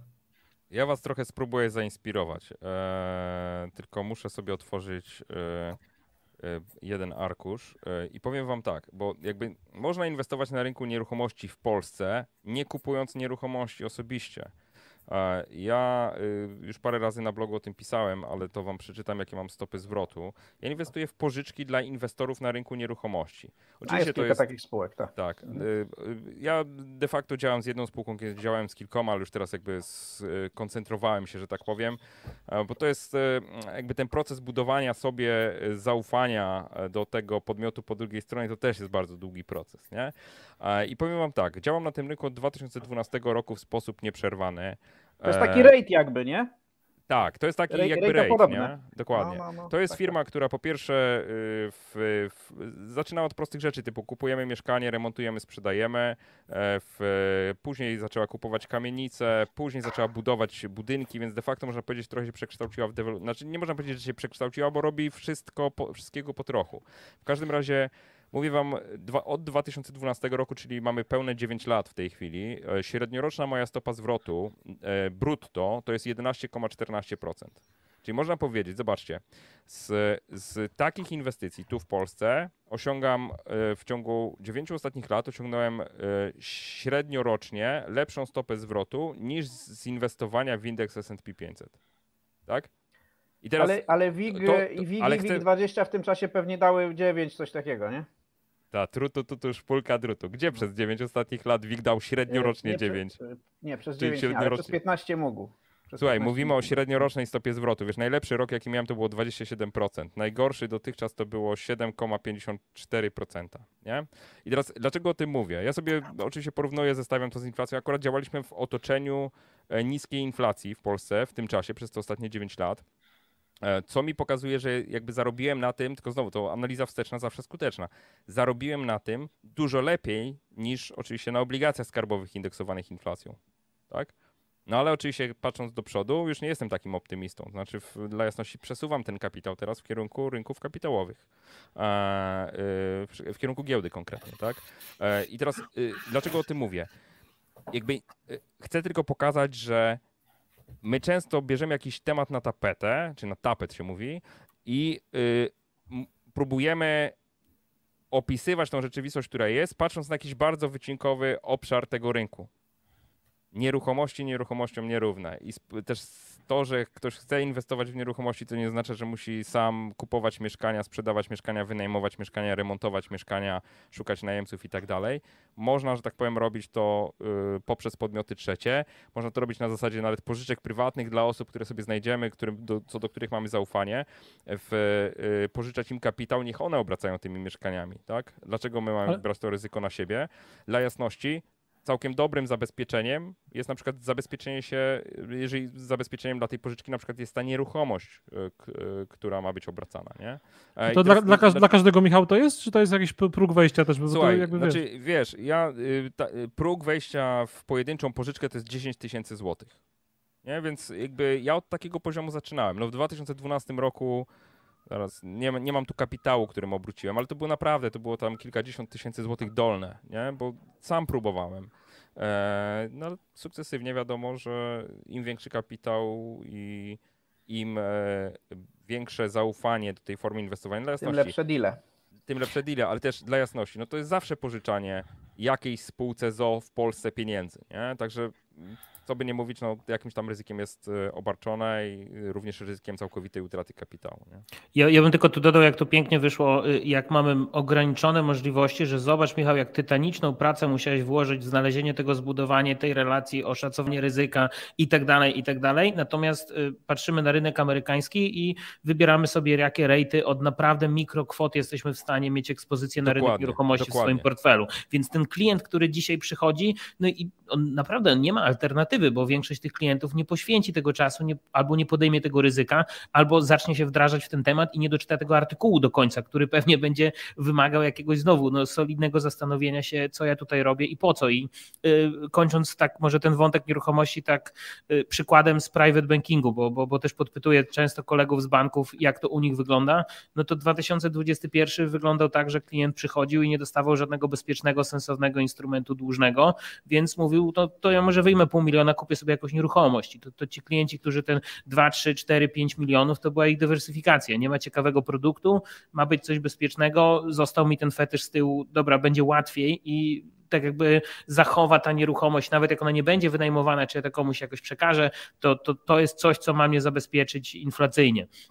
Historię dużych portfeli, więc, więc to, co Rafał powiedział, że jest dużo um, tego rynku zależy od tych, którzy się po prostu kredytują, no jest jakaś część jeszcze tego rynku, która po prostu ma dużo pieniędzy i w tym momencie to jest ta prosta dywersyfikacja. Nie dostałem fajnego instrumentu, nie mam dostępności, nie mam rate'ów, już nawet nie wiem ile o rate'ach y, lat temu zaczęliśmy dyskusję w Polsce i ona gdzieś ciągle utknęła i już chyba nie wróci w najbliższych latach, więc ten rejty polskie się nie zrealizowały. Nie mamy tego instrumentu, no to kończy się tym prostym założeniem, okej, okay, to ja poproszę moje pieniądze z konta i ja sobie kupię tę kawalerkę i to, to wchodzi do tego portfolio. Mm, tak, tak wyglądał private banking w dużej mierze w ubiegłym roku, jak się posłucha tych historii. Dobra, nie ma dlaczego ci, Dlaczego ci private bankerzy nie, nie proponowali ludziom e, rejtów zagranicznych? Przecież to teoretycznie jest instrument dostępny dla polskiego inwestora.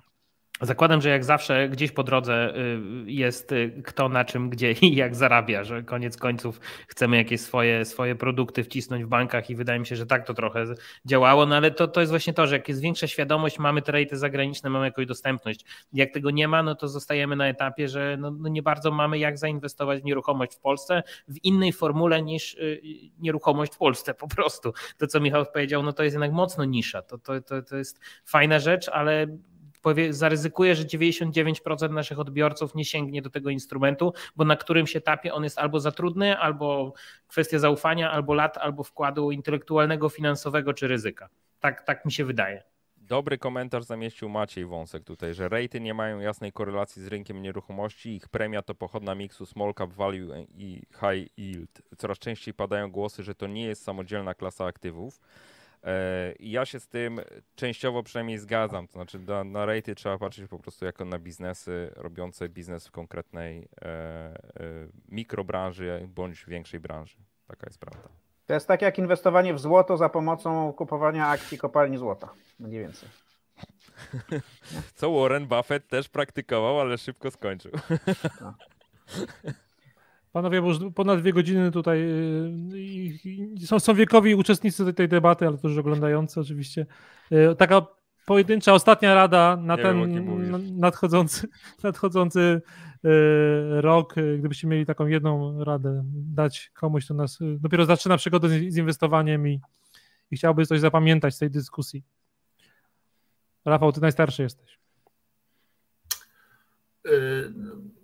Rafał nie jest najstarszy, ale niech będzie. Nie chyba jest. Nie wiem, który. Teraz się będziemy kłócić, kto jest najstarszy, tak? Zacznijmy ja, ja jestem najstarszy, ja. Zacznijmy od yy, Zostańmy przy tym, że nie jestem najmłodszy. Yy, co do tego chyba się zgodzimy. Yy, natomiast już trudno mi jakiś rad udzielać inwestycyjnych, bo nie jestem doradcą i też specjalnie, powiem szczerze, ja nie poświęcam dużo czasu w moim życiu na własne samodzielne inwestowanie. Nie, znaczy, powtarzając to, o czym już tutaj mówiliśmy, jeśli ktoś inwestuje długoterminowo, to żeby się nie bał aż tak strasznie tej inflacji, bo ona może mieć wpływ na naszą konsumpcję i może mieć wpływ na jakieś krótkoterminowe inwestycje, ale na długoterminowe pewnie nie będzie miała. I generalnie też bo generalnie inwestowanie to jest odłożona konsumpcja, prawda? To są pieniądze, które i tak gdzieś tam kiedyś chcemy y, skonsumować, więc jeśli mamy taką sytuację akurat, że faktycznie trudno wymyślić jakąś fajną formę inwestycyjną ze względu na to, że właśnie mamy wysoką inflację i właściwie nic nam nie pasuje, wszędzie są jakieś minusy związane z tym, że jest ta wysoka inflacja, to może warto pomyśleć sobie, czy by nie przyspieszyć sobie e, czegoś z zakresu konsumpcji właśnie, no jak ktoś oszczędza na jakąś, nie wiem, fajną rzecz, o której marzył przez całe życie, że kiedyś ją zrobi, to może właśnie warto teraz ją zrobić jeśli ktoś ma naprawdę problem z tym, w co zainwestować swoje pieniądze. Tak? Znaczy to już nie wymyślajmy na siłę, w co zainwestować, tylko jak to jest taki duży problem, to pojedźmy sobie i zróbmy to, co zawsze chcieliśmy zrobić. No. Tomek? Ja mam taką radę, która jednocześnie będzie trochę chyba mottem mojej pracy blogowej na najbliższy rok co najmniej, czyli rób to, na co masz wpływ.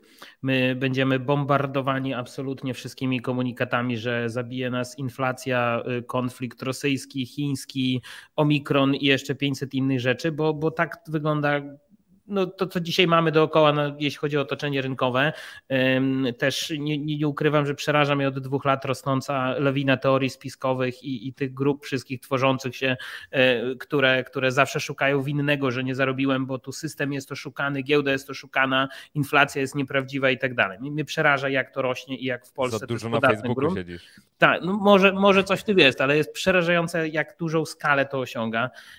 Więc ja wychodzę z założenia, że jeśli będziemy cały czas przeżywać e, wszystkie czynniki zewnętrzne, na które nie mamy wpływu, a my nie będziemy robić nic i zwalać na to winę, no to ten rok się zakończy bez żadnych efektów. Więc rób na to, na co masz wpływ, e, czyli e, korzystaj z tych rynków, do których masz dostęp, ucz się do nich. Nigdy nie było łatwiej się uczyć. Tak jak nigdy nie było łatwiej kupić poszczególne instrumenty, tak nigdy nie było tak łatwo sięgnąć tej informacji. Dzisiaj znajomość języka angielskiego otwiera tyle drzwi, że w zasadzie potrzebujemy komputera internetu angielskiego, koniec. Mamy dostęp do, do, do takiej wiedzy, która jeszcze 10 lat temu była absolutnie nie do pomyślenia. Więc jeśli myślimy o własnym portfelu, to, to inwestowaniu z myślą o dłuższym terminie, o emeryturze i tak dalej, zawsze jest coś, co w tym momencie można zrobić. A jak się panicznie boimy rozwiązań państwowych, to co zawsze powtarzam, bo zawsze jak powiem IKE, IGZE, to ktoś mi powie y, OFE i zaraz nas okradną, to y, można zawsze zrobić na złość państwu i odłożyć samodzielnie w swoim jakimś produkcie zewnętrznym. Ja czekam swoją drogą na jakiś produkt emerytalny europejski,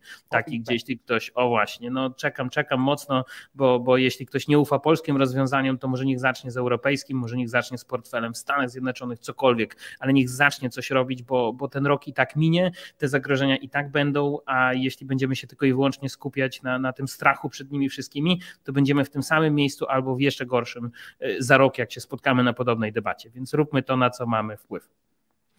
Będzie taki portfel OIP właśnie w Finaxie, także zostańcie z nami w tym roku. Y, Maciek? Ja y, w zasadzie chyba rozwinę y, poprzednią radę Tomka. Róbmy swoje i nie bójmy się inwestować, bo na tym inwestowaniu w długiej perspektywie zapewne raczej zarobimy niż stracimy a nie inwestując, policzmy sobie, co się stanie z naszymi pieniędzmi za 10 lat, które leżą w banku. E, przy inflacji 6%, średniorocznej 7%. E, po 10 latach one będą warte, nie wiem, połowę tego, co są dziś warte, albo jedną trzecią. E, więc jakby nie robienie niczego jest prawdopodobnie najgorszą możliwą decyzją. Nie bójmy się uczyć inwestowania. Są do tego, tak jak Tomek powiedział, proste instrumenty, są e, dostęp do wiedzy, dostęp do e, rynków jest właściwie nieograniczony. Więc jakby jeśli nie teraz, to kiedy? Michał?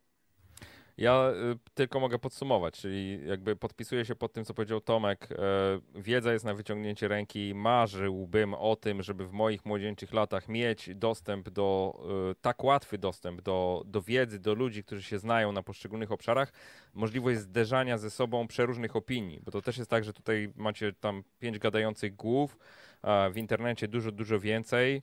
Każdy reprezentuje jakieś podejście, a z tego podejścia warto się czerpać dla siebie tylko to, co do nas e, po prostu pasuje. Gdzieś tam budować ten taki, ja mówię, swój filtr e, e, poznawczy, taki kompas regulować, który wewnętrznie mamy i dopasowywać to, co słyszymy do siebie z jednej strony, z drugiej strony no, uczyć się, zbierać doświadczenie. Czyli podpisuję się pod tym też, co powiedział Maciej, tak? To, to zainwestować, próbować inwestować i obserwować swoje własne reakcje, nie ignorować tej części emocjonalnej tego wszystkiego.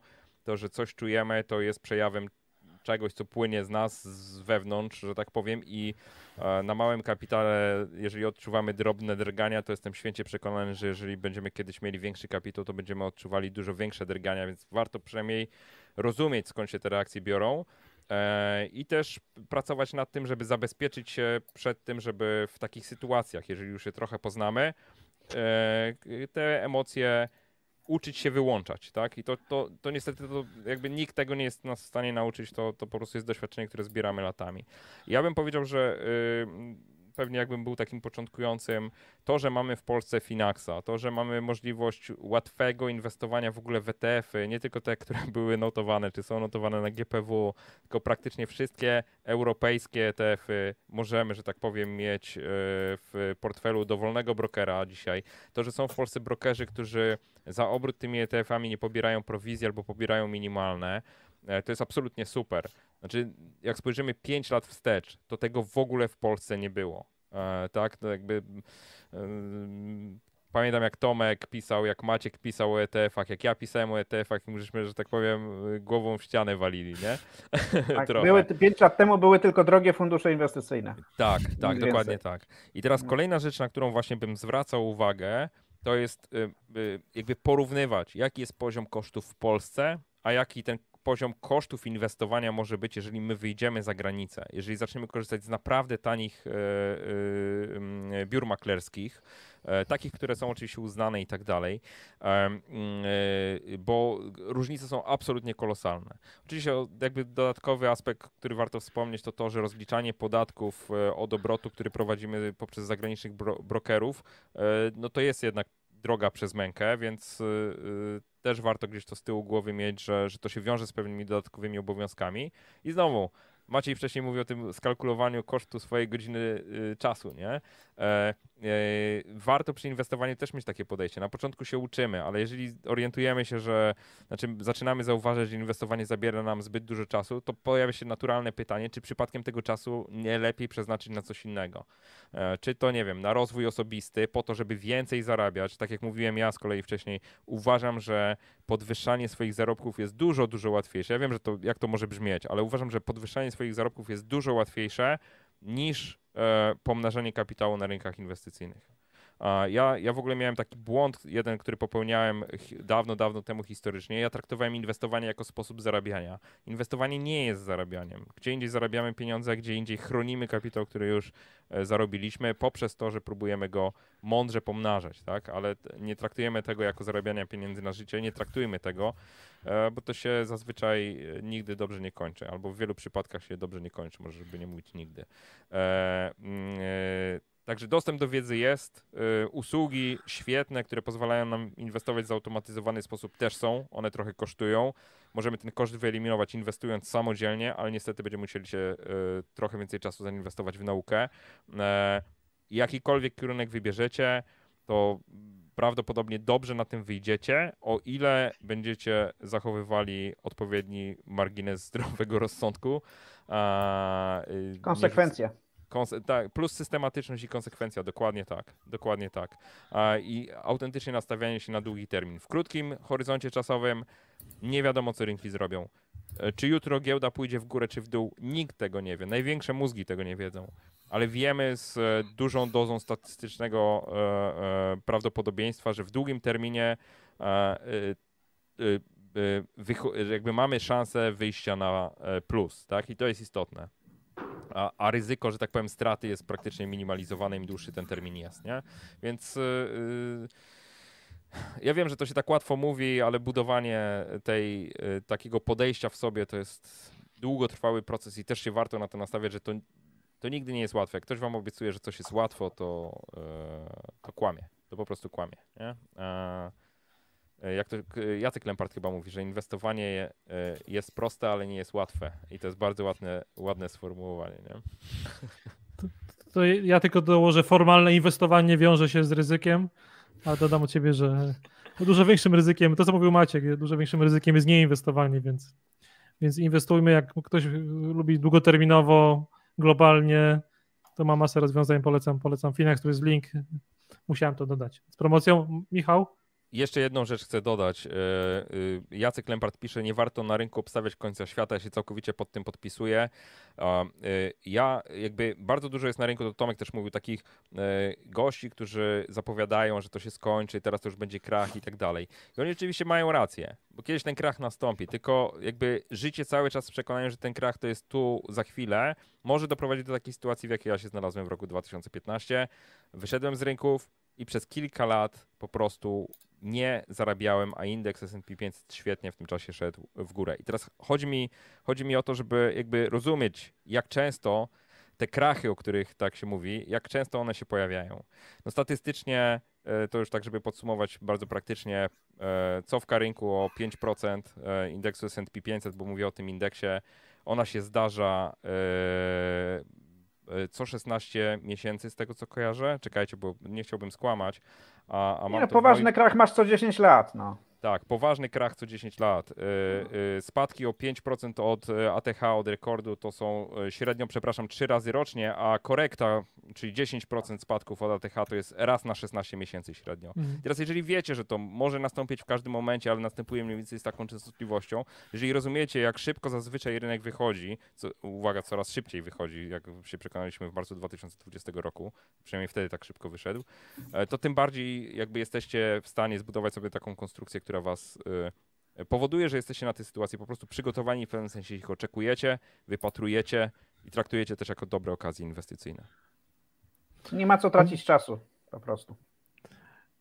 Jak ktoś po tych dwóch i po godzinach ma ciągle niedosyt, to ja odsyłam na, na kanał Finax na, na YouTubie. Tam były, były janosiki z każdym z panów. Dalszy?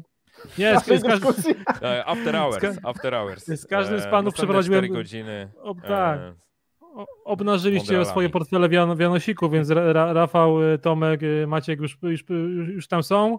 Yy, premiera Janosika z Michałem, gdzie konkretnie powie o swoim portfelu i to będzie oczywiście najdłuższy Janosik, bo Michał jak, jak, jak zacznie mówić o, o, swoim portfelu, to, to, to no, trudno mu przerwać, więc y, w tym tygodniu będzie premiera Janosika z Michałem. No. Miło zachęcam, słyszeć. zachęcam, zachęcam. I wielkie dzięki, no bo masa, masa cennej wiedzy, chyba pierwsze tego typu, typu spotkanie, więc y, bardzo Wam dziękuję, tym bardziej, że już późna pora i, i dobrego inwestowania wszystkim. Za rok się widzimy, mam nadzieję, panowie. Bardzo chętnie, super. Śmiało, śmiało. Super. Dziękuję wszystkim za to, że wytrwali. Ja to zawsze mam wrażenie przy takich debatach, że to jest takie siedzą mądre głowy i pitolą po prostu trzy po trzy. Rafał chyba zasnął. Jeżeli Rafał. ktoś coś z tego wyciągnął, to, yy, to gratuluję. Dobra, dzięki, dzięki panowie. Dobrego inwestowania jeszcze raz. Hej. Dzięki, dzięki. wszystkim za, za udział.